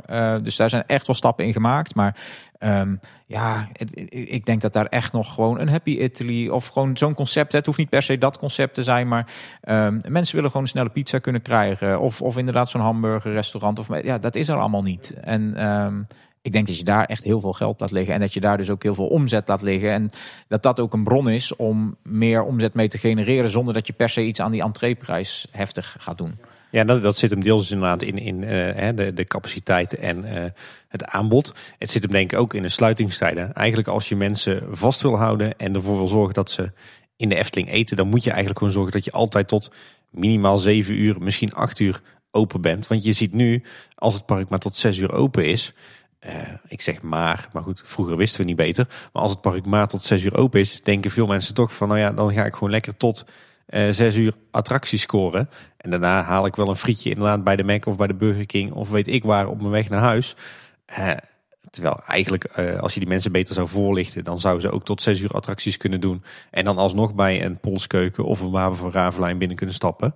Uh, maar wil je echt het, de grote massa binnenhouden, dan moet je denk ik toch zorgen dat je altijd tot net na etenstijd open bent. Ja, maar is er misschien ook niet zoiets waarvan de Efteling weet, slash denkt dat het Nederlander dat niet zo snel zal doen? Gewoon sowieso niet. Dat ze misschien niet blijven eten in het park, maar juist die buitenlandse gasten wel. Maar die zitten dan ja. vaak in een verblijfsaccommodatie en daar is die optie ook gewoon. Ja, daar misschien, zit wel wat in, ja. Wat ik zelf nog wel storend vind bij de Efteling Horeca en waarom ik denk dat er zeker nog veel te halen is, dat ze er erg goed in zijn om ook gewoon restaurants echt te verstoppen. Je hebt het wapen van Ravelijn, ligt echt in zo'n hoek. Ja, je moet echt weten dat het er zit. Er staat één uh, borstje of zo en uh, ja, je moet eigenlijk reserveren. Dus dat, daar is volgens mij nog veel meer uit te halen. Als het al op een andere plek had gezeten. Maar je hebt bijvoorbeeld ook uh, Pinocchio's restaurant. Volgens mij is dat nog steeds open. Ik weet het niet eens. Ik heb geen flauw idee. Ja, nee. ik, ik, hoor wel eens dat er iemand gaat eten, maar dat ligt echt in zijn hoek. Ja, Weet je wel, daar doet niemand iets mee. Eh, Het panorama zelf vind ik ook nog wel enigszins, weet je wel, daar nodig niet echt uit van hier is de entree, loop binnen.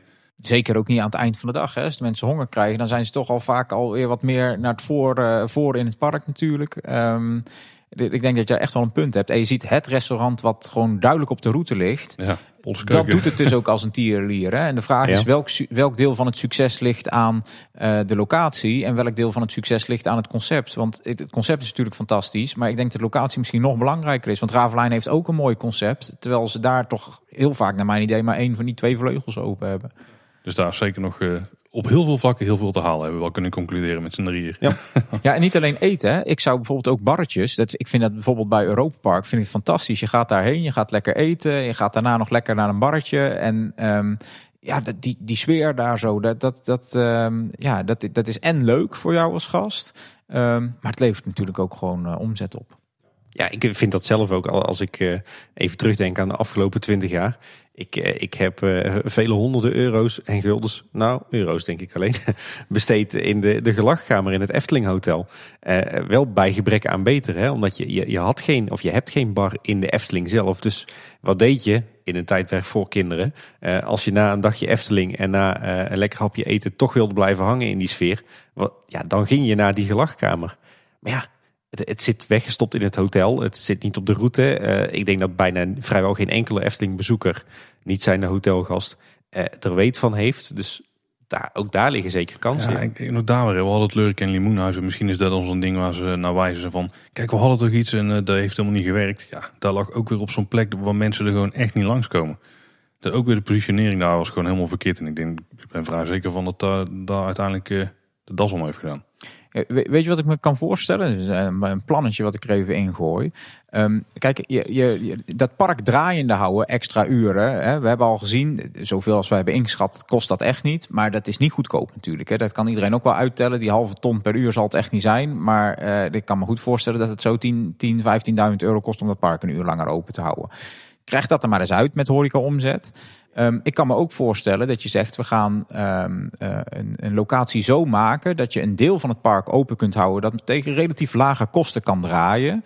ehm, wat toch sfeer heeft en wat in de buurt is van de uitgang. En waar je eh, zeg maar ook horeca, barretjes enzovoort introduceert. waar je vanuit het verblijf en vanuit het park allemaal makkelijk bij kan komen. En ik, Ik- moet dan ik heel sterk denken. Wat zeg je? Ja, nou, nou kijk, ik kan mij voorstellen hè, dat je bijvoorbeeld op een gegeven moment de korte kant van het parkeerterrein opoffert. En dat je daar de, die, die geruchten, die gaan natuurlijk ook wel. Dat je daar een soort van sprookjesstadachtige constructie gaat maken. eh, Waarbij ik me heel goed kan voorstellen dat je zegt van nou, ehm, we hebben daar ook restaurants en barretjes in. Hè. Je gaat die stadconstructie bouwen. En het is deels zijn het de mooie decors natuurlijk. Deels zullen het ook de sprookjes zijn. Maar het is deels ook een soort van uitrijk gebied. Hè, eh, waar je eigenlijk eh, eh, s Ik bedoel, het sprookjesbos, dat, dat eet niks. Hè. Ik bedoel, dat, dat, laat dat tot tien uur s'avonds open. Zet die sprookjes aan. Laat daar twee medewerkers rondlopen. Het kost niet zoveel. En als je daar dichtbij in de buurt ehm, eh, restaurants open kan doen. Bijvoorbeeld Polles Keuken, wat heel makkelijk het sprookjesbos inloopt. En je zou op die ehm, ehm, eh, korte kant van de parkeerplaats zo'n sprookjesstadachtige constructie maken. Ehm, eh, met daar bijvoorbeeld eh, nou, in het begin misschien twee of drie restaurants, maar wel de mogelijkheid om dat uit te breiden. Je zorgt dat er wat, wat barretjes zijn en dat daar nog wat entertainment is. Dan kun je eigenlijk met ehm, eh, toch het park sluiten op een moment eh, eh, dat, dat, het, ja, dat het allemaal niet te duur wordt om dat, dat door te laten draaien. Maar dan heb je toch nog een stukje wat je open kunt houden. Hè. Je houdt daar wellicht nog Aquanura bij die nog een avondshow geeft. Je gooit misschien Fata Morgana nog open. Maar dat je niet 100% van je park draaiende hoeft te houden om toch die mensen te verleiden om bij jou eh, te eten. Ja, dat is ook een manier om je openingstijden in ieder in ieder geval te verruimen. Ja, absoluut. Eh, met- eh, slechts beperkte kosten. Is ook al een aantal keer door de Efteling gep- eh, geprobeerd. Hè? Met, met name met Anderrijk rond de opening eh, van Aquanura. Eh, dat bleek niet zo'n succes. Dat was toch snel uitgestorven. Eh, Fantasierijk is natuurlijk in zich heel ook al eerder open dan de openingstijd. En blijft ook langer open dan sluitingstijd. Dus de Efteling doet het al wel een beetje. Maar ik moet zeggen dat ik jouw Sprookjesbos variant, die is voor mij volledig nieuw. eh, En daar zit wel wat in, want dat is natuurlijk wel het hart van de Efteling waar heel veel mensen voor komen. Ja, en, en, en dat, hè, maar het, het is ook heel goedkoop om te draaien. En het wordt natuurlijk juist s'avonds ook zo sfeervol.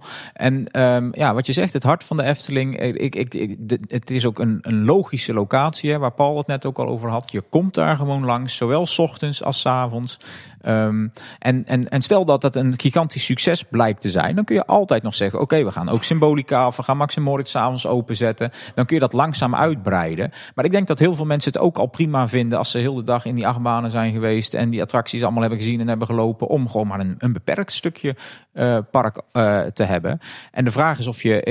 Uh, um, um, jullie hadden pas de aflevering ook met, met Danny, hè, Eftelflex, die had het daar ook over. Want er staan natuurlijk heel veel restaurants gewoon in het park. Die staan daar al, die zijn al betaald. Hè, um, en die zijn leeg s'avonds. En ik, ik, ik vond zijn um, verhaal daarbij eigenlijk wel sterk. Je zegt van ja, waarom ga je zoveel nieuwe locaties bouwen als je ze gewoon al hebt staan? Nou, het probleem is denk ik dat die heel verspreid zijn. Hè, en dat iemand echt geen zin heeft om in panorama te zitten uh, als die Aquanura net heeft gezien. Die loopt dat eind niet meer terug.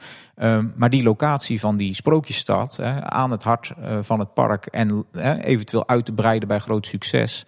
Um, en, en stel dat het mislukt, hè, dat, het, dat het helemaal niet werkt en dat de markt daar niet klaar voor is. Ja, dan heb je nog steeds die leuke sprookjesstad. Maak je er evenement, evenementenzaal van of je, je gaat er op termijn sprookjes in, in, in eh, zetten of iets dergelijks. We hebben nou wat horecaadvies, maar misschien hebben we nog wel meer uh, dingen die voor de horeca gelden.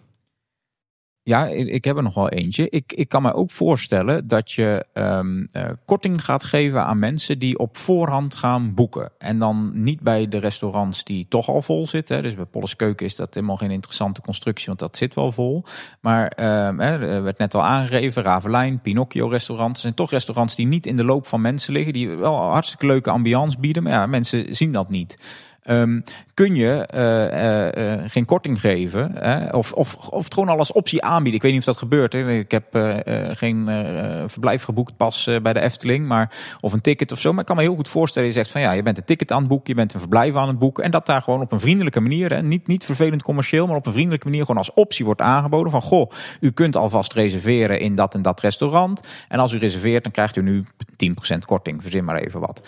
Dat je iets meer um, um, je van tevoren uh, bezet krijgt. Is handig voor je personeelsinzet, denk ik. Uh, is handig voor je spreiding, voor je capaciteit.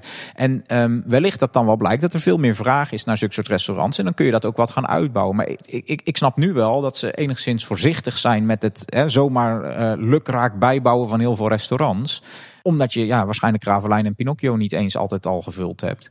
Um, maar als je gewoon eens probeert om dat wat meer aan de man te brengen.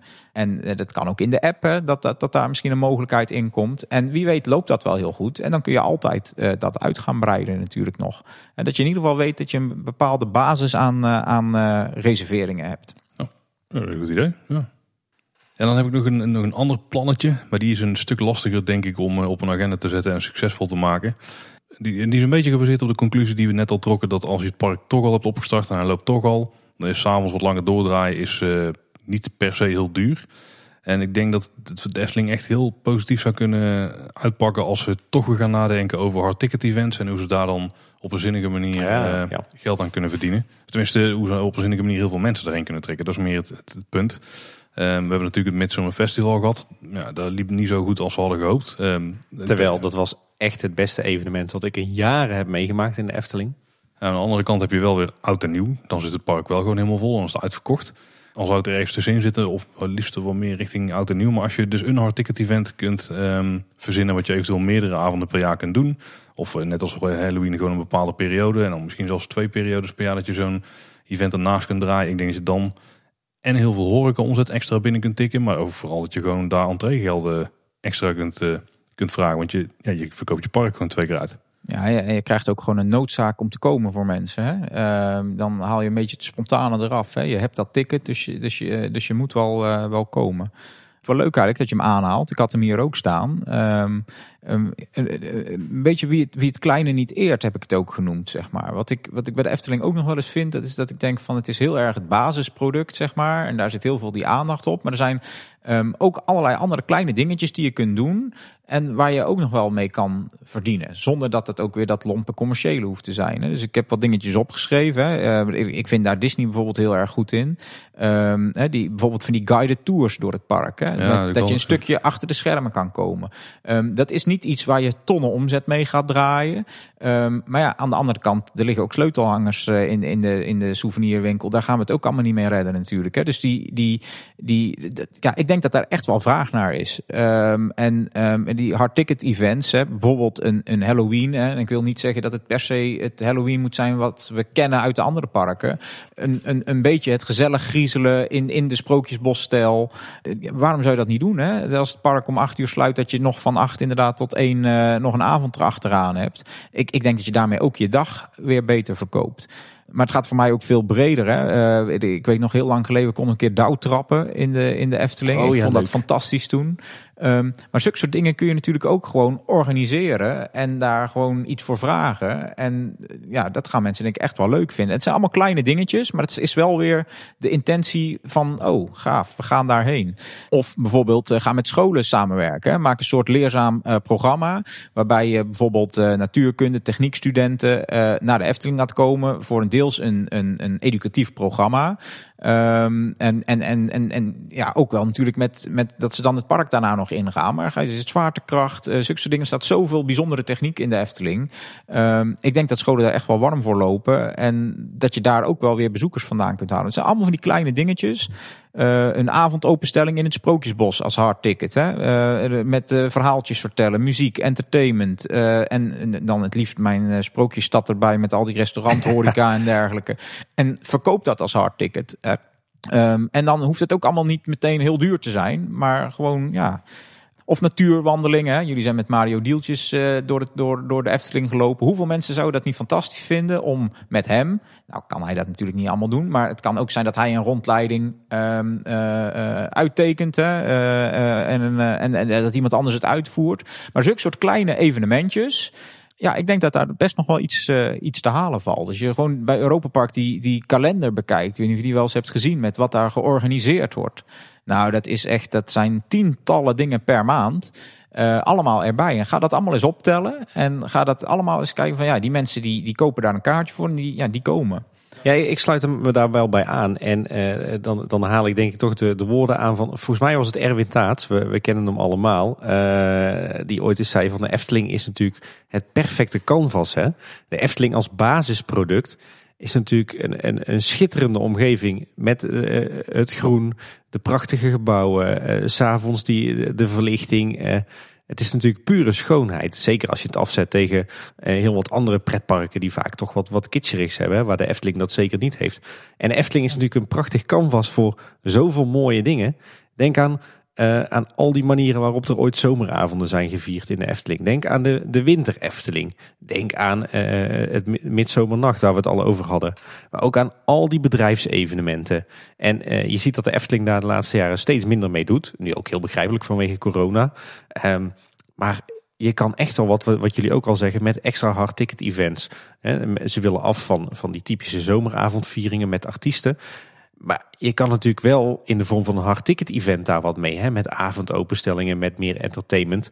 Met, met, met exclusieve avonden voor, uh, uh, waar maar heel weinig mensen worden toegelaten tot het park voor een, hoog bedrag. Waardoor dat je uh, een hele unieke beleving hebt.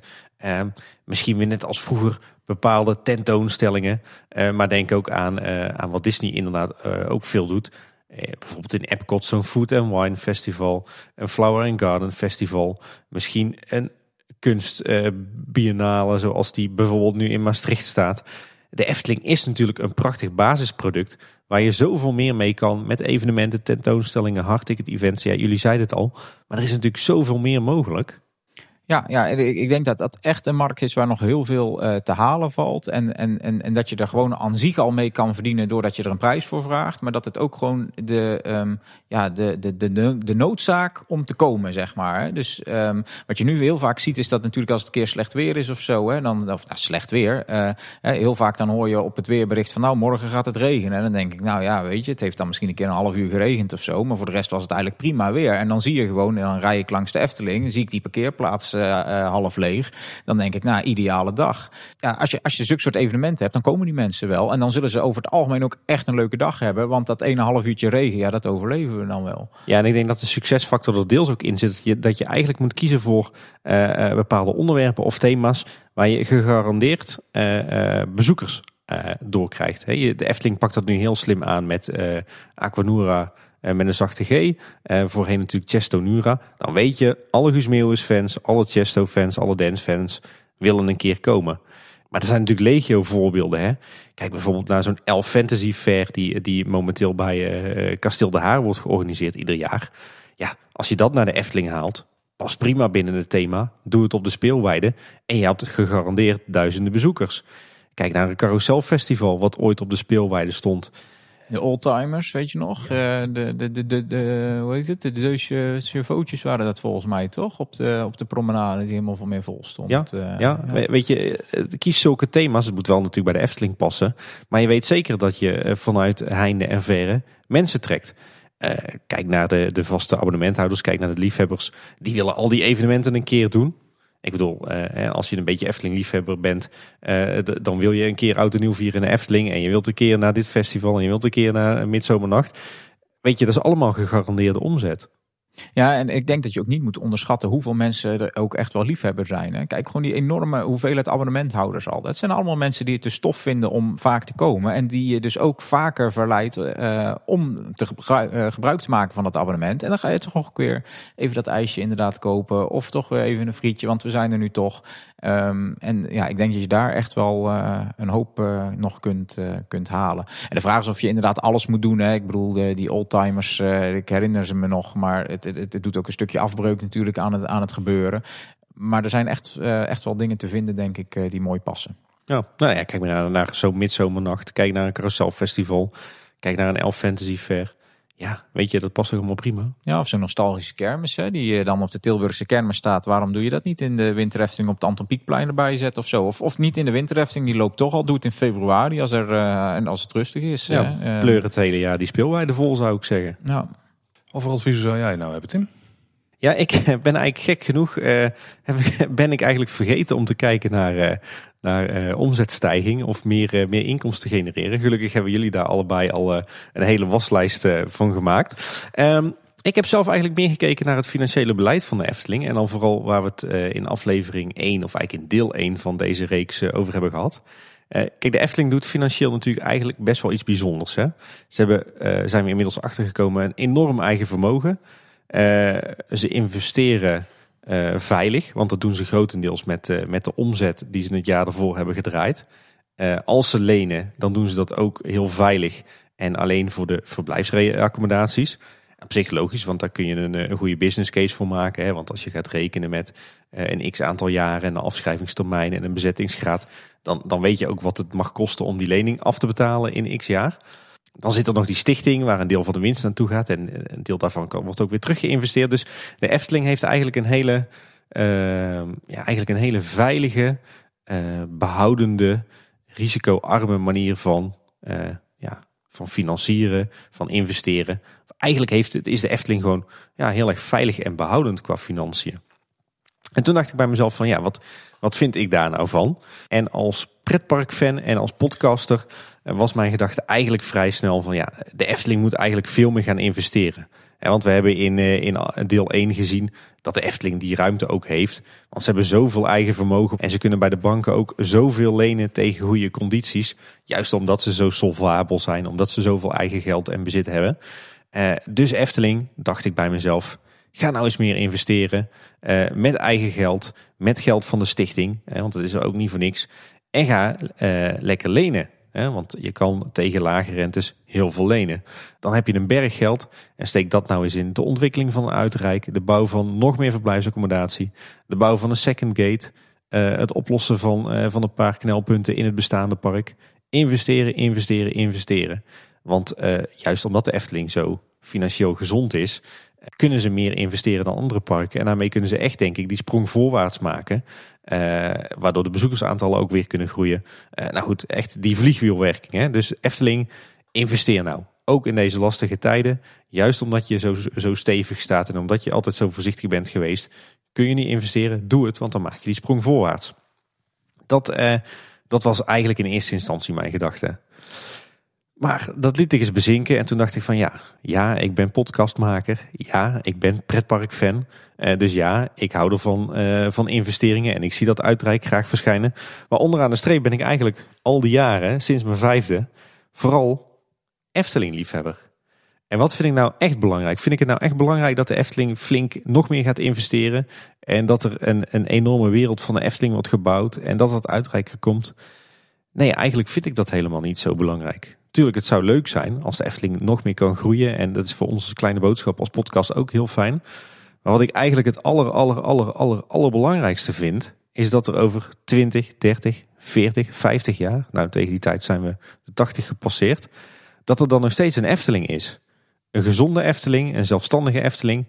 Niet een eigendom van een of ander investeringsfonds of van een Parkes Reunides of een uh, Compagnie des Alps. Nee, uh, Stichting Natuurpark de Efteling uh, als enige eigenaar van de Efteling BV. En uiteindelijk zal het mij dan een worst wezen of er een wereld van de Efteling 2030 staat met Second Gate en Uitrijk. Of dat het nog steeds die Efteling is zoals we die kennen binnen de spoorlijn. Als hij maar nog steeds bestaat, als hij maar uh, financieel gezond is en als ik er maar naartoe kan met mijn kinderen, kleinkinderen, achterkleinkinderen. Uh, als ik die ooit mag krijgen. Um, dus eigenlijk was het voor mij wel een eye-opener van ja, misschien wil ik wel helemaal niet dat de Efteling nog meer gaat investeren en risico, meer risico's gaat nemen. En eigenlijk vind ik die gedachte dat de Efteling niet meer investeert dan het geld wat ze overhouden van de omzet van het jaar daarvoor, dat ze die investeren. En eigenlijk vind ik het wel lekker dat ze alleen lenen voor verblijfsaccommodatie als het echt nodig is. En dat ze ook weten dat ze dat terug kunnen betalen met die inkomsten van verblijfsaccommodaties. Dus eigenlijk zou mijn advies zijn richting de Efteling. Blijf alsjeblieft zo, uh, zo ja, behouden, veilig investeren. En zorg ervoor dat je zo enorm sterk blijft staan. Want dan blijf je gewoon in de lengte der jaren zelfstandig. En in de lengte der jaren zeker van je bestaan. En dat is uiteindelijk ook het doel van de BV, maar zeker het doel van de stichting. Dat die Efteling er altijd is en er altijd zal blijven zijn. En als je dan toch meer wil investeren, uh, zorg er dan ervoor dat je bijvoorbeeld, stel dat er toch iets van een uitrijk uh, zou moeten gaan komen, uh, doe dat dan door samenwerkingsverbanden aan te gaan. Hou de grond aan jezelf. Hou zelf de regie op hoe de buitenkant eruit ziet. Hou zelf de regie op, op wat, wat de bezoekers dan meemaken. Maar trek bijvoorbeeld externe partners aan. retailers, restaurantketens die mee investeren. die dan zeggenschap krijgen over wat er gebeurt in die ruimtes. Hoe die misschien van binnen eruit zien. Maar accepteer dat als zij een groot deel van het financiële risico nemen. Want ja, je kan wel zeggen, ja, de Efteling kan toch onbeperkt lenen. Uh, dat klopt. Maar nu is het zo, als jij investeert met je eigen geld dat je het jaar ervoor verdiend hebt, dan investeer je dat één keer, dan is dat geld weg. Uh, maar het jaar erop heb je daar geen last meer van. Want heb je dan een slecht jaar, zoals nu misschien met corona, uh, dan schroef je gewoon je investeringen terug en dan hou je dat geld in eigen zak. Maar zodra jij grote bedragen begint te lenen, dan gaat die teller lopen. Dan ga je ieder jaar uh, rente betalen. Dan ga jij ieder jaar uh, moeten aflossen. En als je dan een paar slechte jaren hebt, ja, dan zijn al die leningen die je hebt, uh, hebt aangevraagd of die je hebt gedaan, dat, die zijn gewoon een molensteen om je nek. Dat zag je ook in, in de eerste jaren van Disneyland Parijs. Of eigenlijk nog steeds. Dus blijf zo behouden. Blijf enkele tientallen miljoenen per jaar uitgeven aan, aan attracties. Leen af en toe als je een interessante business case hebt voor verblijf. Eh, en als je echt enorme investeringen wilt doen in een second gate of in een uitrijk, doe dat dan met externe partners, met een Pidefu, met een Plopsa, uh, met een Pathé, met een, uh, uh, een, een Hema, een Kruidvat, een Albert Heijn, een Bakker Bart, een Happy Italy, een Burger King zal mij het een worst wezen, maakt niet uit. Maar neem niet te veel onnodige financiële risico's. En zorg dat je er over 50 jaar nog steeds bent als Efteling. Ik heb wel slecht nieuws voor jou, Tim. De Efteling heeft al een investeringsfonds binnengehaald. Hè? Dat is dan wel het algemeen directeur. Maar Jongen, jongen, jongen. ja, hij heeft geïnvesteerd met de Baron en met eh Symbolica. Ja, ja, ja. En een vakantieparkje aangelegd. Ik ben het wel eh, met jouw verhaal eens, Tim. Ik, ik zou het misschien nog wel iets willen nuanceren. Want het is in principe is het natuurlijk een van de uitgangspunten van de stichting. Ehm, maar ik denk dat als ze ook een uitreik zouden doen, dan zou dat best wel in fases mogen. En eh, dan hoeven ze misschien niet eens zo heel veel te lenen. Dan is het alleen iets meer eh, uitgeven van wat ze nu aan winst overhouden. Want eh, je moet ook belastingen en zo erover betalen. Maar als jij een miljoen of 15 extra per jaar zou investeren, dan kun je nog steeds ieder jaar 10 miljoen aan ja, winst naar belastingen gewoon wegschrijven. Waar dan dus 40% vanuit de stichting gaat. Maar daarmee, groeit je eigen vermogen ook nog steeds. Dus ik denk dat ze dat ook best wel zouden kunnen aanwenden om dat soort dingen te kunnen doen. Als je dan van drie jaar die, eh, dat bedrag pakt voor 45 miljoen, kun je best wel restaurants en winkels neerzetten. En als je dat dan vijf jaar later weer doet, dan eh, kun je op zo'n manier nog steeds best wel eh, behouden groeien. En heb je nog geld voor een extra attractie tussendoor ook. Ja, precies. Eh, ik, ik had nog een paar kleine adviesjes. Ehm, iets wat mij de laatste tijd opvalt is dat eh, de Efteling en eh, bij monden van Fonds echt de strategie kiest van het park, de Efteling, is de basis. En alles wat we doen, daarbij staat het park centraal. En de nevenactiviteiten die moeten ondersteunend zijn aan het park. Ik denk in de basis een goede strategie. Ook in relatie tot, hè, ehm, we, we, we moeten niet te veel financiële risico's nemen. En het draait om het, het voortbestaan van dat park, de Efteling. Aan de andere kant, hij heeft ook wel heel veel van die nevenactiviteiten ver teruggeschroefd. Hè. Je ziet dat zijn voorgangers, Ronald van der Zel en Bart de Boer, dat die echt aan het verbreden waren. Hè. Ehm, meer merchandise, meer licensing, Efteling Media, Efteling YouTube producties. Dat ging heel ver op een gegeven moment. Hè. Men wilde ook eh, eh, andere parken aankopen of andere parken gaan bouwen in Europa of eh, elders in de wereld. Ik denk dat dat heel onverstandig is. Uh, en ik vraag me ook af in hoeverre dat je heel veel geld moet besteden aan het maken van eigen uh, film- en animatieproducties in uh, de zin van Efteling Media. Maar ik denk dat het nu al heel erg ver is teruggeschroefd. Kijk, natuurlijk draait het om het Efteling Park. Maar ik denk dat het ook nog steeds heel erg draait om het merk Efteling. Hè, het, ik denk dat je als je de Efteling zo populair wil houden als de Efteling nu is.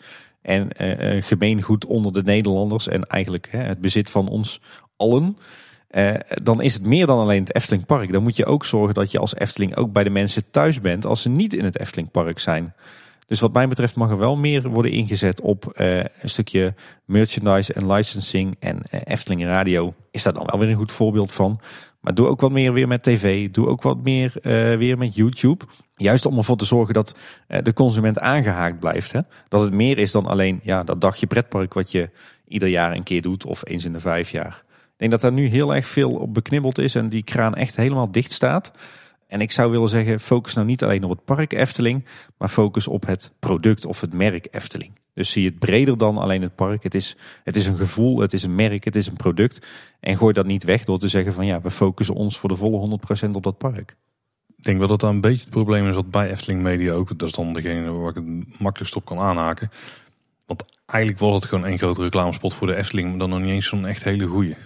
Want ja. als je dan vooral kijkt naar de sprookjesbomen zo, de, ze waren niet echt goed in de Efteling. Laten we laat het daarop houden. En het straalde niet per se de waardes uit van het park zelf. Het was gewoon het aanspreken van een doelgroep en die werd het daardoor wel heel enthousiast over de Efteling. Maar... Ja, nou ja, kijk, als je kijkt naar voorbeelden als, uh, als Tita Tovenaar en de Grobbelbollen of de Lummels, dan was dat niet heel succesvol. Maar aan de andere kant, de Sprookjesboom, Jokie en Jet, Ravelijn, dat zijn toch wel drie IP's die nog steeds hartstikke sterk staan. En die je niet per se alleen uh, tegenkomt uh, op het moment dat je in de Efteling bent. Ja, maar hoeveel omzet is daarmee te halen? Dan zou het echt nog steeds gewoon betaalde reclamespots zijn voor het park. Klopt, maar het is wel een manier om die consument aan de Efteling te binden. Ja. Ook ja. op de, in de dagen en de weken en de jaren dat jij niet in het park bent. Dat is zeker waar, ja. Ik denk ook dat je moet realiseren dat je niet altijd raak kunt schieten natuurlijk. Hè? Um, als je ziet wat er allemaal geprobeerd is en dat daar nu dus inderdaad die drie merken die je net noemt daar succesvol uitkomen, dan is dat misschien uiteindelijk toch nog wel best succesvol. Hè? Uh, er zijn natuurlijk ook uh, bij Disney films die uh, geflopt zijn waar je niks ja. meer van hoort. Hè? Um, je, je kunt niet altijd vol in de roos schieten. Dus ja, op zich is het misschien best nog wel een mooie, mooie oogst, zeg maar, van alle producties die er zijn geweest. Dat er toch nog drie uh, zo sterk overeind staan. Waar je ook echt mensen die niks met de Efteling uh, hebben qua liefhebberij, hoor je daar toch ook over, zeg maar. Hè? Van, oh, Jokie en Jet. En ja, dan heb je wel die binding. Ja, ja, ik zit natuurlijk in de jonge kinderen en ik kom op de gekste plekken Jokie en Jet en Sprookjesboom tegen. Ook, bij, mensen die, ja, ook bij mensen die niet per se heel erg Efteling liefhebber zijn of zo. Dus, de, dus ik denk dat het goed is om te stoppen met allerlei mediaproducties en, en plannen om in het buitenland een ander park te beginnen uh, of om het golfpark af te stoten. Maar ze mogen er wat mij betreft wel iets minder rigide, zijn, de, uh, rigide in zijn. De Efteling is meer dan alleen het park. De Efteling is echt al een merk, een beleving, een waarde. En dan nog twee kleine puntjes. Uh, als we het hebben over de financiële huishouding. Stel dat er nou een keer kosten bespaard moeten worden. Want dat is natuurlijk ook nog steeds een optie. Uh, dan moet ik zeggen dat ik het gevoel heb dat de Efteling uh, met name sinds het tijdperk Bart de Boer wel een enorme overhead heeft. we hebben in de aflevering 1 of in deel 1 over gehad wat overhead is. onder andere je kantoororganisatie, kantoorgebouwen, maar vooral ook al het personeel. De Efteling heeft altijd al wel een handje ervan gehad om heel veel in eigen huis te willen hebben. Uh, maar wel op een gezonde manier. Uh, maar ik heb het idee dat sinds Bart de Boer dat er echt een enorm uit de klauwen gewassen uh, kantoororganisatie zit. En we hebben alles in eigen huis en we doen alles zelf en we kunnen alles zelf. En we hebben afdelingen voor van alles en nog wat. begrijpelijk, want ja, je wil je bedrijf professionaliseren en je wil van alle markten thuis zijn en liefst alles in eigen huis hebben. Maar aan de andere kant als het een keer tijd wordt om te bezuinigen, dan denk ik dat ze ook best wel uh, op die kantoororganisatie kunnen bezuinigen. Want je, je struikelt af en toe over de stropdas uh, tijdens een dagje Efteling. Ja, ik vond het in mijn tijd dat ik zelf bij de Efteling werkte, vond ik dat al. En het is volgens mij ook geïntensiveerd. Uh, Dat je zelf ook af kunt vragen van... Uh, de, toen ik bij de Efteling werkte, maakte bijvoorbeeld uh, de leidinggevende van de afdeling... die was nog echt met de roosters bezig. Nou, daar is een planbureau voor gekomen. dat was toch een behoorlijke taak. Um, maar dat planbureau is er nu, maar die leidinggevende is er ook nog steeds. Sterker nog, er zijn er nog bijgekomen. Ja. En zo zijn er allerlei taken weggeschoven, ehm, maar wel ja, stropdassen bijgekomen. Ja. En ja, goed, die zullen ook best allemaal their best doen hoor. Dat geloof ik ook oh, De organisatie is ook zeker gegroeid. Um, maar de vraag is of dat uh, ja, niet een beetje te ver eh, doorgeschoten is. Daar ben ik wel met je eens. Ja, moet, moet het niet op een gegeven moment toch een tandje minder? Hè? Moet je niet meer naar je, je core business gaan van oké, okay, we willen gewoon een mooi park en mensen een mooie dag beleven, laten beleven. Eh, dat merk je ook wel aan het aantal kantoorgebouwen. Hè? Toen Ravelijn gebouwd werd in eerste instantie was het de bedoeling dat iedereen in Ravelijn kwam te zitten. En Ravelijn is natuurlijk ook een mega kantoor als je daar een keertje rondloopt. Um, maar tijdens de bouw van Ravelijn werd al duidelijk dat het kantoor al veel te klein was. En daardoor staat er nog steeds een kantoor op het uh, dienstencentrum waar het helemaal vol zit. En daardoor zitten er nog steeds verspreid door het hele park allerlei kantoortjes. Omdat het al niet meer in Ravelijn past. Dus dat geeft wel aan hoe enorm die, ja, die organisatie eigenlijk is. Ja, vergeet ook niet, de organisatie is ook natuurlijk enorm gegroeid. Hè? De bezoekersaantallen zijn echt eh, met, uh, in de miljoenen gestegen de afgelopen 10, 15 jaar. Dus ja, dat, dat, dat, ja, dat vraagt natuurlijk ook wel meer, wat meer over het. Ja. Maar ik denk dat hè, mochten er ooit financieel uh, lastige tijden komen, dan denk ik dat daar wel eens kritisch naar kan worden gekeken. Ja, eigenlijk doen ze het al een beetje hè, met die afdeling evenementen. Want ja, het is toch eigenlijk wel iets, eh, ik, ik schrok daar wel van. Ik denk, oh, dit is helemaal niet des Eftelings. Hè. Maar um, ja, op zich is dat wel goed, denk ik. Uh, hoe vervelend het ook is uh, voor die mensen zelf, want het lijkt me verschrikkelijk ga dat eens uitrekenen. 70 man, hè, waarschijnlijk ook niet de slechts betaalde uh, mensen op zo'n afdeling. En ga die eens een aantal jaar in dienst houden, terwijl er eigenlijk geen werk voor is. Ja, ja. ja. en nog een laatste dingetje qua, qua kosten, maar dat is dan misschien weer meer uh, dan minder kosten. de Efteling die besteedt nu ongeveer 10 miljoen euro per jaar aan, aan onderhoud. En dat hebben ze ja, heel goed op orde, denk ik. Zeker voor een, voor een pretpark. het groen staat er allemaal netjes bij. Het is allemaal ontzettend veilig. Uh, technisch is het allemaal goed in orde. Hè? Alle attracties eh, draaien als een, uh, als een tierenlier. Dus dat doen ze heel goed. 10 miljoen is ook natuurlijk een enorm fors bedrag voor een pretpark om jaarlijks uit te geven aan onderhoud. Maar toch zou ik er wel voor willen pleiten om er nog even een paar miljoen bij te plussen. Om het op een nog beter niveau te houden. Zodat men ook eens van die defecten aan kan pakken. Van die serieuze defecten. Zoals een gin, zoals een Etna. En waarvan nu wordt gezegd van ja, als we kunnen het wel aanpakken. Maar dat is veel te complex en veel te duur ja, er moet een moment komen dat je toch zegt van we gaan het nu toch eens oppakken. En zodat je kan zorgen dat, uh, dat uh, heel veel dingen in het park toch nog net even wat vaker een lik verf krijgen. Want je ziet nu dat het bijvoorbeeld in veel gevallen misschien eens in de zeven of tien jaar is. Waardoor het allemaal toch net even een paar jaar voor die onderhoudsbeurt gaat afbladderen, gaat rotten. Er net even wat minder fris bij staat. Als je nou even een paar miljoen nog bijplust op die onderhoudsbegroting, dat je gewoon iedere drie of vijf jaar eh, al het houtwerk bij wijze van spreken en alle figuren een lekker likje verf kan geven, dan staat het park er nog net wat frisser en sprankelender bij. En dan heb je denk ik onderaan de streep uiteindelijk ook lagere onderhoudskosten. Juist omdat je niet alles hoeft te gaan vervangen omdat het nou eenmaal weggerot is omdat je te lang niet geschilderd hebt. Om het maar even in Jip en Janneke taal Ja. eh, uit te leggen. Dus ik zou ervoor willen pleiten om daar nog wat meer eh, geld in te steken. En misschien kan de stichting ook wel een klein beetje bijpassen. Want dan hebben we het natuurlijk over het behoud van de Efteling voor de eeuwigheid. Ik heb wel iets wat daar misschien bij aansluit, eh, Tim. Voor mij mag er best wel wat meer budget naar wat dingen dat ik denk van dat zijn basisfaciliteiten in het park. Oeh, ik weet er één, ik weet er één. Maar ga je gang. En, en dan denk ik, oeh, ik vind de Efteling echt een premium merk. Maar op sommige punten maken ze dat dan toch niet helemaal waar. En Dat weet ik ook een, doet, mij pijn te moeten zeggen, maar Zullen we kijken of we, want ik kan niet meekijken. Zullen we kijken of we met z'n drieën tegelijk kunnen zeggen over welk item dat we het ja, hebben? dan laten we dat doen. Nou, 3, 2, 1. Toiletten. Ja. Ik, ja, ik vind het eigenlijk een beetje beschamend. Ja. Eh, ehm, voor voor eh, zo'n topspeler, een van de beste parken. Ja, voor mij eigenlijk, ik heb heel wat parken gezien. Ik vind het het beste park ter wereld. Ehm, en dan toch die toiletten. Het zijn er te weinig. Ze zijn te oud. Eh, het, het, is, het, het, moet, daar moet echt iets mee gebeuren. Maar ik vind het ook met gewoon dingen als eh, overkappingen in wachtrijen. Ik vind het gewoon bijna een beetje treurig om te zien dat... ehm, hoe kan het? Ja, ik, ik snap heel goed hoe het kan hoor. Ik bedoel, een, een, een Max Moritz krijgt een budget mee. En alles wat je besteedt aan een overkapping gaat niet in thema zitten. Dus dat doet de projectgroep niet. En dan na een paar jaar moet er iets, iets gedaan worden. En dan komt het uit een ander potje. En op zich denk ik dat we daar uiteindelijk blij mee moeten zijn. Want daardoor hebben we net die extra animatronics waarschijnlijk. Maar ja, jongens, kom op. Eh, het is, de zomers worden warmer. Het is in de winter, eh, eh, sneeuwt, het, het regent, het waait. Ehm, hoe kan het dat we bij zo'n premium park toch gewoon in de felle zon moeten staan?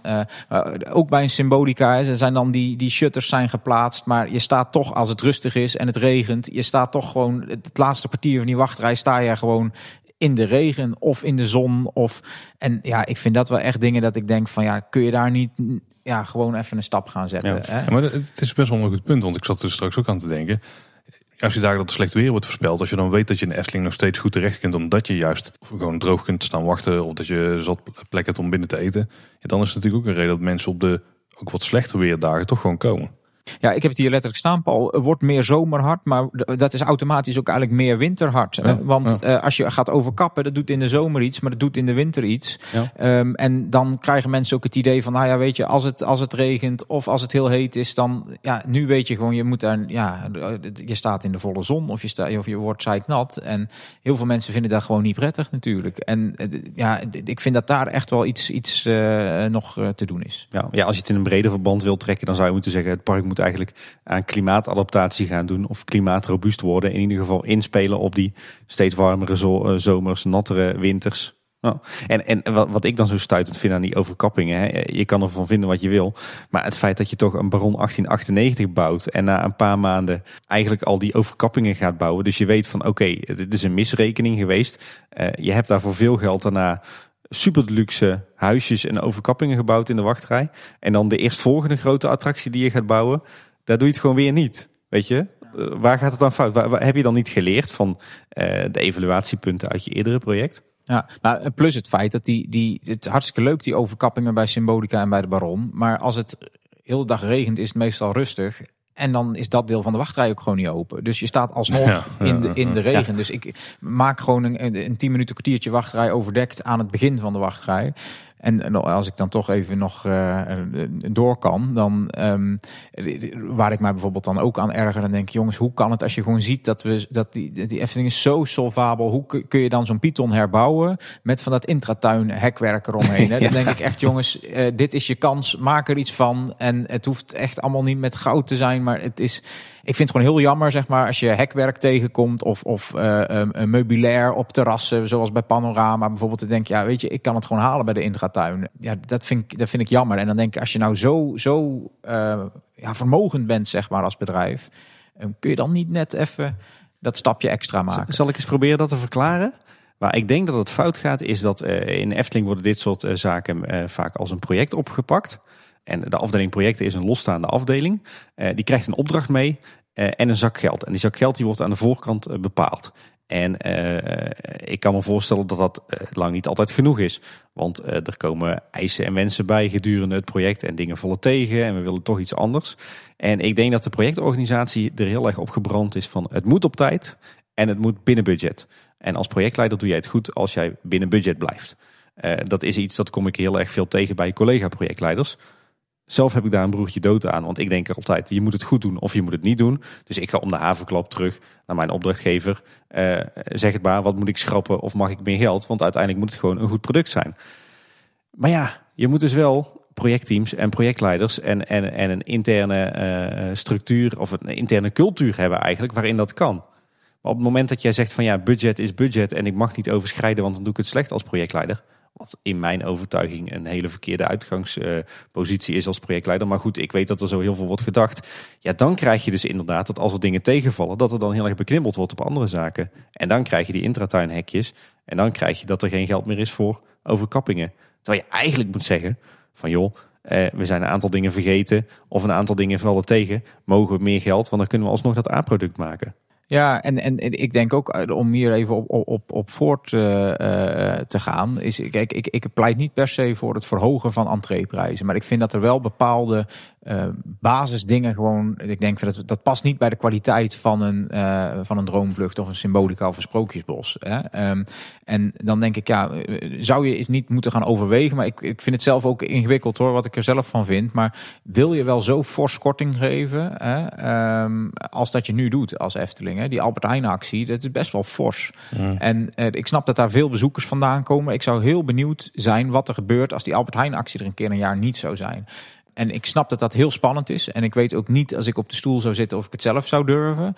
Je zou natuurlijk wel kunnen zeggen van we, we, gaan die prijzen niet heel sterk verhogen. Maar we gaan wel eens kijken naar ons kortingsbeleid. Hè. Zijn wij een product waarvan je moet zeggen van nou, hè, drie pakken wasmiddel en uh, je krijgt er 10 euro korting op. Um, en, en als je dat spannend vindt, en uh, dat snap ik dan kan ik me nog voorstellen dat je zegt van nou die Albert Heijn actie die gaan we dan we gaan we gaan korting geven in low season hè? dus we gaan het toegankelijk houden dan heb je dan voldoe je toch aan wat de stichting wil um, maar een dagje Efteling in februari is ook hartstikke leuk en waarom zijn die Albert Heijn tickets midden in het hoogseizoen in de herfstvakantie al die weekenden winter Efteling waarom zijn ze dan geldig hè?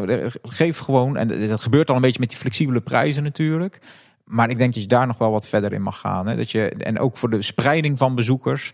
Um, en dat je daar misschien dan toch een ja, wat hogere gemiddelde entreeprijs uithaalt. Zonder dat je eigenlijk echt de entreeprijs uh, verhoogt. Ja, goed punt. Ik denk dat je, hè, misschien is het, eh, gaat het wat te vlug voor de Efteling om te zeggen we schaffen de actie helemaal af.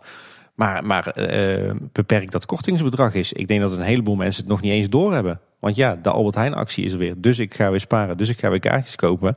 En ja, als ik dan ineens geen 10, maar maar 5 euro korting krijg op mijn kaartje. Ik denk dat heel veel mensen er nog niet eens erg in hebben. Op zich, op zich verdampt de korting ook een beetje door de jaren heen zonder dat mensen doorhebben. Want 10 euro is die korting volgens mij, of 8 weet ik het. En dat is al jaren hetzelfde. En de entreeprijs wordt natuurlijk steeds hoger. Hè? Dus relatief gezien wordt het kortingsbedrag steeds lager. Dus wat dat betreft zou je over een paar jaar uh, um, ja, um, een relatief uh, lagere korting hebben, zeg maar. Ja, ja, op zich het feit dat de Efteling nu met variabele entreeprijzen werkt biedt natuurlijk ook wel mogelijkheden. Hè? Want als jij die, die korting bijvoorbeeld geeft op het maximum uh, bedrag, uh, is de invloed al anders dan dat jij het voorheen op het standaardbedrag gaf. Want het maximumbedrag ligt hoger. Dus de korting die je dan uiteindelijk geeft, is relatief gezien weer minder. Ja, ik, ik zou echt iets inderdaad met die, met die spreiding meer gaan doen. Hè. Probeer echt die, die, um, die, die rustige maanden uh, te plussen. Ja. en geef straks na het, coronatijdperk, als we niet meer per se hoeven te reserveren, geef dan mensen die van tevoren reserveren korting. Nou, dat was precies de volgende die ik wilde doen. Eh, het, het, lijkt mij ontzettend slim om dat eh, vol te gaan, uh, gaan houden, dat systeem. Ja. Ik merk het aan mezelf. Uh, ik heb het al eens eerder gezegd in de podcast.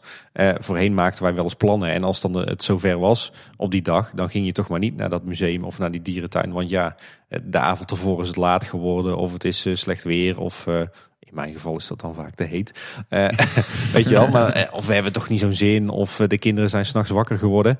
Ja, dan gaan we toch maar niet. Maar ik merk nu al, je reserveert toch je weekenden vol en je vakanties vol. vaak al een paar weken, zo niet maanden van tevoren. En dan is die dag aangebroken dat je naar Museum X of Dierentuin Y gaat. Of de Efteling. En dan ga je toch, want je hebt nou eenmaal al betaald voor je kaartjes op datum. Ja, je ziet het ook gewoon. Hè. Ik loop er altijd langs uh, met de hond. En je ziet gewoon, het is door de week gewoon drukker, heb ik het idee, dan, uh, dan andere jaren. Mensen voelen zich toch uh, ja, een beetje verplicht om, om te gaan. Natuurlijk. Ja. ja. Ja, wat ik ook nog wel een, een, een, een punt vind. Ik weet nog wel, toen, toen Bart de Boer wegging, toen werd er gezegd, we gaan consolideren. Ja. Um, en toen dacht ik... Twee weken, toch? Oei, consolideren. Daar word ik niet blij van um, als liefhebber. Aan de andere kant denk ik er nu nog wel eens aan terug. In de zin van, er staan zoveel dingen in Efteling die gewoon niet optimaal gebruikt worden. En ik bedoel niet dat je moet gaan consolideren puur en alleen maar. Je gaat gewoon ook investeren. Maar ga gewoon eens kijken wat heb ik al staan en hoe gebruik ik dat. Hè? Um, als ik kijk zo'n Efteling theater. Ik, ik, het is denk ik onbestaanbaar als dat theater een, een, een los bedrijf was geweest. Dan was het denk ik al twintig keer failliet geweest. Het, het gebouw staat meer leeg dan dat er iets in gebeurt. En het is stervensduur en qua, qua investeringen en qua onderhoud ja, en exploitatie. En, en, het, en, het, is een prachtig theater verder. En dan denk ik, hoe, hoe kan dit jongens? Uh, er, um, zorg dat daar gewoon weer, hè, wat ze nu dus wel doen. Hè, die, die, die parkshow is overdag en dan kan er volgens mij prima s'avonds nog Caro draaien. Um, en zorg dat het theater gevuld is. Um, dat geldt voor evenementenzalen. Hè? Als die niet gevuld zijn, en dat zal de komende jaren waarschijnlijk zo zijn, maak daar buffetrestaurants van. Um, uh, het, het, het carouseltheater, prachtig theater. Waarom staat het leeg? Zet daar één of twee acteurs in. Het is allemaal niet zo duur. En je hebt weer een ruimte gevuld. En zo stikt het natuurlijk van de ruimtes in het park, waarvan je denkt, ja, doe je daar wel mee wat ermee kan. Uh, Fabula is een bioscoop. Hè? Als daar niet van die uh, houterige bankjes in zouden staan, zou je daar best s'avonds voor verblijfsgasten nog iets anders kunnen tonen. Uh, en dat kan voor mijn part een James Bond film zijn of wat dan ook. Maar het kan natuurlijk ook Sprookjesboom de movie zijn. Hè? Noem maar iets. En um, dan heb je meteen weer wat te doen voor je verblijfsgasten. Met eigenlijk een redelijk beperkte investering volgens mij. Dus ik zou daar echt wel eens naar gaan kijken van um, ja, hoe kan ik dat nou meer gebruiken? Ja, en ik vind eh, dat wel een goede, zeker wat betreft het theater. Toen het theater gebouwd werd, werd er heel duidelijk gezegd: dit theater heeft meerdere functies. Ja, we gaan er parkshows in opvoeren voor de dagoperatie. Ja, we gaan er musicals in opvoeren. Maar we gaan het ook gebruiken voor stand-up comedy, voor concerten, voor theatervoorstellingen, voor opera, voor ballet, voor klassieke muziek, uh, voor een bedrijfspresentatie. Er zat natuurlijk wel een beetje de visie aan van het uitreik die dan daar aan had verschenen. Die daar eh, naast had komen liggen. Waardoor natuurlijk wel meer mensen daar gewoon heen trekt die er wel meer vrijblijvend heen gaan. In plaats van met een geboekte ticket. Ja, maar het is natuurlijk wel zo. Het is, dit theater staat volgens mij nog steeds in de top 5 van theaters van Nederland. Qua capaciteit en qua technische voorzieningen. Als een, ik roep maar een dwarsstraat. En uh, Javier Guzman of een Katinka Polderman uh, in Tilburg, in Goorlen en in Waalwijk staat. Waarom staan die dan ook niet in Kaatsheuvel in het Efteling Theater? Wat niet echt helpt is dat het gewoon in het park ligt. En dat hebben ze op zich wel opgelost met hekken, dat is het afzetten en zo. Maar als het gewoon buiten de parkgrens had gelegen, dat het echt meer voelde als gewoon een theater waar je heen gaat, dan ik denk dat dat wel makkelijk ja, wordt. Het, het, theaterseizoen is natuurlijk uh, bij uitstek ook wel een beetje het seizoen dat het niet de hoogste seizoen is van de Efteling. Hè? Ja. Dus dat het park dan om zes uur al dicht is. En dan kan daar prima om kwart over acht of zo een, een theatervoorstelling ja. uh, starten. En, en eigenlijk is het ook gek, hè? want ik heb een paar jaar bij Ahoy gewerkt in Rotterdam. En dat was natuurlijk gewoon een, een zalenfabriek, om het maar even plat te zeggen. Ja, daar zat gewoon een clubje op van een aantal mensen. En die hadden maar één taak: zorgen dat zoveel mogelijk vierkante meters het hele jaar rond door verkocht waren. Of het dan aan een kerstcircus was, of een tentoonstelling, of een boekenmarkt, of een stoffenmarkt, of eh, concerten, comedy, maakt niet uit. Maar die zalen moesten vol staan. Ja, ik, ik, denk dat je echt, uh, we kunnen het niet teruglezen in het jaarverslag. En ik denk dat dat heel goed is dat het niet. Maar ik denk de business case van dat theater, dat is, ik denk dat je daar heel verdrietig van wordt. Als je ziet wat daar uh, gedraaid wordt aan shows, hoeveel mensen erop afkomen en wat dat heeft gekost en wat daar hangt en hoe weinig het gebruikt wordt. Ik het is echt. Uh, hartstikke zonde. En, en, en mijn, mijn volgende punt is ook dat je, um, ik ben niet per se een entertainment fan, maar ik denk wel dat shows voor heel veel mensen wel de noodzaak van herhaalbezoek vergroten. Hè? Dus het, um, shows zorgen er wel voor dat je um, um, het allemaal niet gezien krijgt op een dag. Hè. Je, uh, die shows beginnen op een bepaalde tijd. Je moet er al een tijdje van tevoren heen. Dan heb je net nog zo'n half uurtje dat je niet meer droomvlucht in kan. Nou, dan maar even een swirl halen. Of uh, we gaan even op het terrasje zitten. En hoe meer je dat hebt, en dat kan allemaal heel klein. Hè. Een goochelshowtje in het carouseltheater hoeft allemaal niet duur te zijn. Je hebt een illusionist en twee medewerkers. En je hebt weer een, een tijdstip dat mensen blokt. Hè. En zo kun je denk ik op meer plaatsen in het park echt wel um, ja, shows maken. En het hoeft echt allemaal niet heel veel meer te zijn. Hè. Zet Jokie en Jet in een theaterzaal neer. Je hebt er wat lampen bij en wat rook. En het is meteen een veel volwassener show dan dat het nu is. En het wordt ook echt iets wat je niet toevallig tegenkomt, maar waar je heen moet. Ja. Nou ja, het, het Sprookjesboomconcert is natuurlijk het perfecte voorbeeld van. Het concept is super simpel. De liedjes zijn allemaal al, al bekend. De acteurs kennen we. eh, de handpoppen kennen we. Het is in feite dat simpele showtje uit het Sprookjesbostheater. Maar als je het dan in het theater zet, is het ineens een parkshow. Waar weet ik hoeveel mensen op afkomen. En fan van worden. En foto's en filmpjes delen. En we vinden het allemaal ineens super vet. Terwijl het is eigenlijk een hele simpele show. Ja, en het, kost bijna niks volgens mij. En je bent eh, mensen toch weer zo drie kwartier eh, bij ze kwijt. Hè? Dus eh, je, je krijgt die looproute naar het theater. Het is goed voor je spreiding. En, en, en je hebt gewoon, ja, je moet daar zijn op dat moment. En ehm, ja, ik denk dat het voor je horeca omzet goed is. En, eh, en voor Paul is het ook goed, want daardoor is het wat rustiger eh, bij de attracties. Ja, ik zit me ook weer te bedenken van waarom ligt dat restaurant dan weer aan de andere kant van het theater waar je dus niet langs loopt, waardoor dus niemand daar dan Ja. ook nog naartoe gaat. Ah, ontploft. Overigens denk ik dat bijvoorbeeld het, het opnieuw in gebruik nemen van de poppenkast op het oude Anton Pieckplein, hoe kneuterig dat het ook klinkt, ik denk dat het ook een doorslaand succes zou zijn. Hoor. Ja, maar doe dat dan in het carouseltheater of Ja. zo. Hè? Want Ja. dan heb je dus echt weer eh, dat je er niet toevallig langs loopt, maar dat je Ik wil echt. gewoon de poppenkast terug. Ja. Misschien is het hele sprookjesboomconcept ook wel een beetje daar de Ja, evolutie dat is van. waar. Dat is waar. Overigens denk ik dat ook voor Aquanura geldt, hoor. Dat je daar veel meer mee kan dan, eh, dan wat er nu mee gebeurt. Nou is op zich, hè, Chestonura en Aquanura met een zachte G zijn twee voorbeelden van zo kan het. Nou, ik denk dat ze daar alleen maar meer mee moeten doen. En misschien moet het wel een keer een upsell zijn of in het teken van een evenement of iets dergelijks. Ook daar heb je natuurlijk eh, een heel mooi product liggen waar je al heel veel aan betaald hebt. Nou, haal er maar eens uit wat erin zit. Dan ga ik eh, nog even een balletje opgooien waar Tim denk ik niet zo blij van wordt. Oh jee. Ehm, ehm, ik zou zeggen, bouw een waterpark. Oh, bouw maar hoor.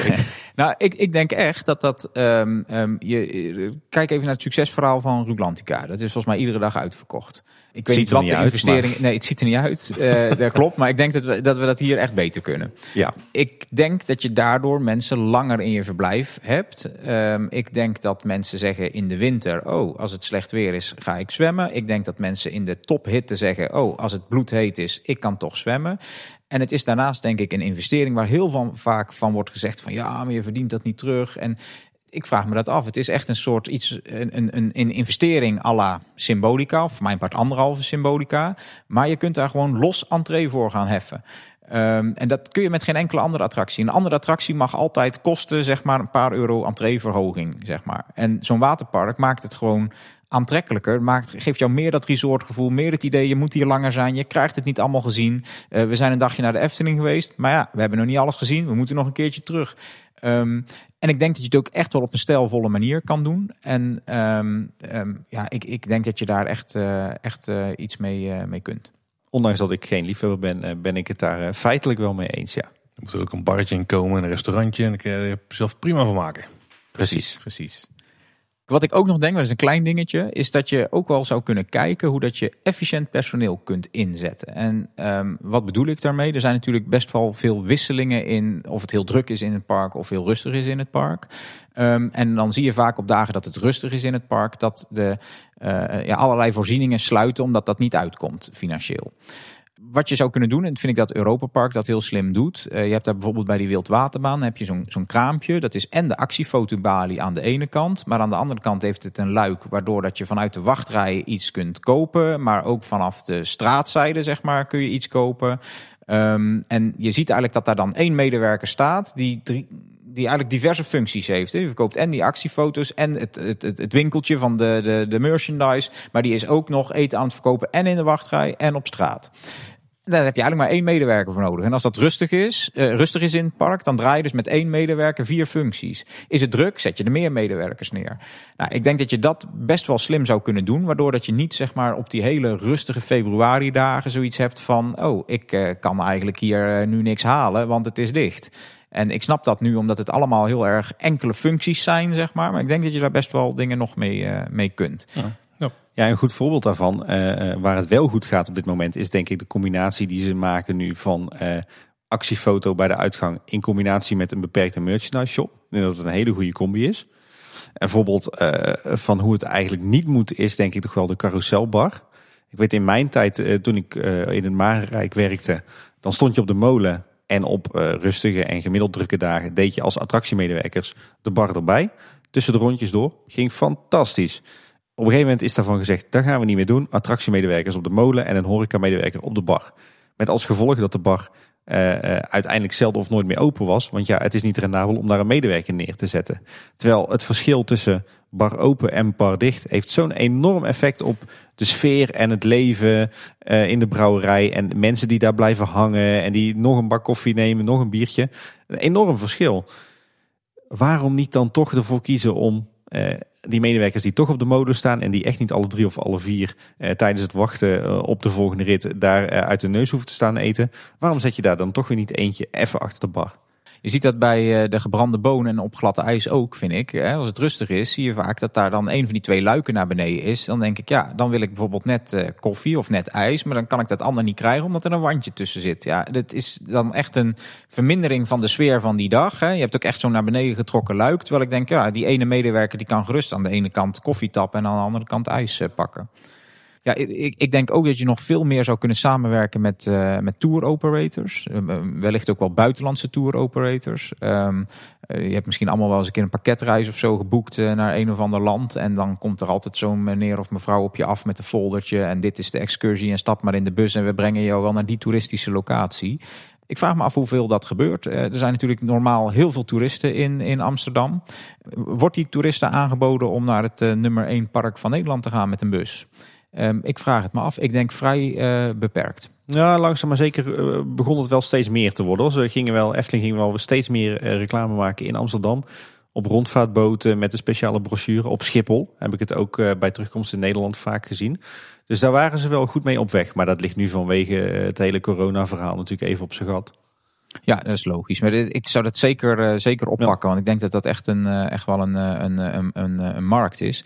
En ik kan me ook voorstellen dat je bijvoorbeeld aan, aan ticketverkopers, campings, hotels, dat kan in de buurt zijn, maar ook in Amsterdam.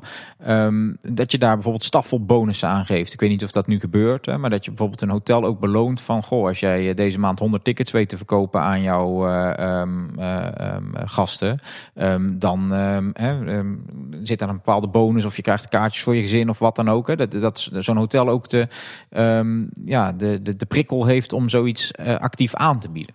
Oh ja, ik, ik, kan me ook nog voorstellen dat je fotopas of iets dergelijks gaat introduceren. Ik kan me ook voorstellen dat dat te duur is op rustige dagen, maar dat je het op sommige dagen wel doet. Maar um, ik weet niet of jullie die uh, filmpjes hebben gezien met die uitzoomfilmpjes, weet je wel, bij Disney. Ja, ja, ja, dat je dan zo midden in Galaxy's Edge staat. En um, ja, je weet welke ik bedoel, hè? Ja. Um, hoe gaaf is dat om dat bij Symbolica of op het Herautenplein of uh, bij de Baron of bij het Huis van de Vijf Zintuigen, prachtige locaties genoeg. En dat is iets wat je volgens mij uh, met vrij weinig personeel al kunt draaien. Hè? Dat, dat hoeft in feite gewoon maar een plek te zijn waar je staat. En het, misschien kan het zelfs wel helemaal via een app of zo. Um, en ik denk dat, dan heb je echt iets bijzonders. Iets wat iemand zelf ook niet kan maken, zeg maar. Je kunt zelf zo'n foto of zo'n filmpje niet maken. Dus ik denk dat daar ook nog wel uh, wat in zit. En, en biedt de gelegenheid om zo'n fotopas dan weer te koppelen aan je abonnement. Ja.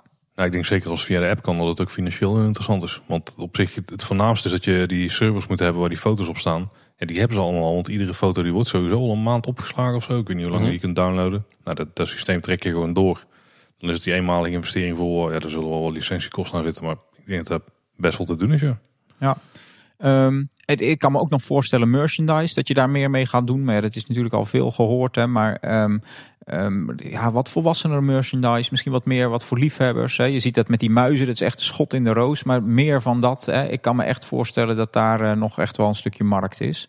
Bijna alle unieke souvenirs die zijn binnen één dag uitverkocht. Hè. Dus dat zegt ook wel ja. iets over de oplagers. En wat ik zelf echt heel erg tof zou vinden, maar ik weet niet of dat echt een financieel advies is, maar misschien ook wel. Um, hoe gaaf zou het zijn als wij een soort D23 uh, evenement zouden hebben, alleen dan voor de Efteling. En dan gaan we hem gewoon hard ticket maken en het mag ook echt een hoge prijs hebben, want ik, ik snap heel goed, hè, als je dat voor vriendelijke prijzen wil gaan verkopen voor twee tientjes per stuk, dat is niet rendabel. Hè. Daar, moet zo'n afdeling moet daarmee bezig zijn. Um, daar gaat tijd in zitten. Um, hè, dus ik denk dat we dan ook niet als, als liefhebbers moeten zeggen: Oh, wat duur. Uh, ik moet daar weet ik het 75 euro voor betalen. Je moet wel bedenken dat dat eenmalig iets is waar best wel tijd in zit. Maar Ehm, ja, misschien hoeft er eigenlijk ook niet eens zo heel veel tijd in te zitten. hè. Zet Sander de Bruin neer in het Efteling Theater en laat hem eh, wat schetsen eh, eh, van Symbolica toelichten. Hè? En laat eh, eh, eh, Ronald Donkers daarna spreken over, over de technische kant van het ontwerp. Nou, het zijn allemaal dingen, ze zijn daar misschien een middagje aan het voorbereiden.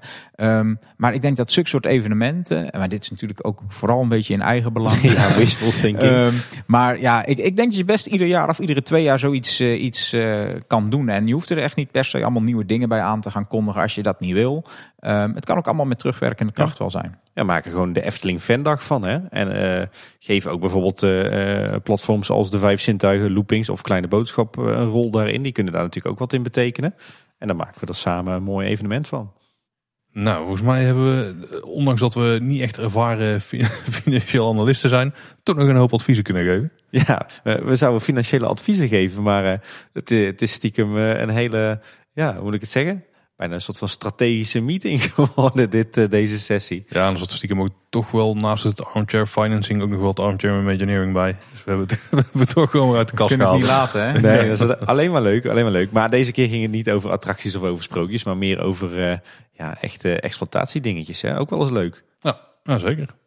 Hey Roel, we willen jou weer eh, hartstikke bedanken voor jouw aanwezigheid. Fijn dat je weer kon aanschuiven. Je, je, je bijdrage was weer, weer goud hoor. Nou, hartelijk dank. Ik eh, vond het heel eervol eh, om te mogen doen. Eh, dus eh, alle dank aan jullie eh, voor de uitnodiging. Fantastisch, hartstikke leuk. We willen je er graag weer bij hebben om, eh, om een deel 3 te maken zodra het jaarverslag over 2020 er is. Nou, dat is eh, afgesproken. Gaan we doen. Heb je nou eh, alvast input voor die aflevering of heb je gewoon andere vragen die ons wil stellen? Dan kan op veel verschillende manieren. Makkelijkste is denk ik via Twitter, daar zijn we @kboodschap Boodschap en daar zijn we ook veruit het meest actief. Ja, en we zijn ook eh, schijnbaar op eh, Facebook en Instagram actief onder Kleine Boodschap. En je kan ons natuurlijk ook altijd gewoon mailen. Dat kan via info.kleineboodschap.com of je gaat naar de website kleineboodschap.com en dan vind je het contactformuliertje.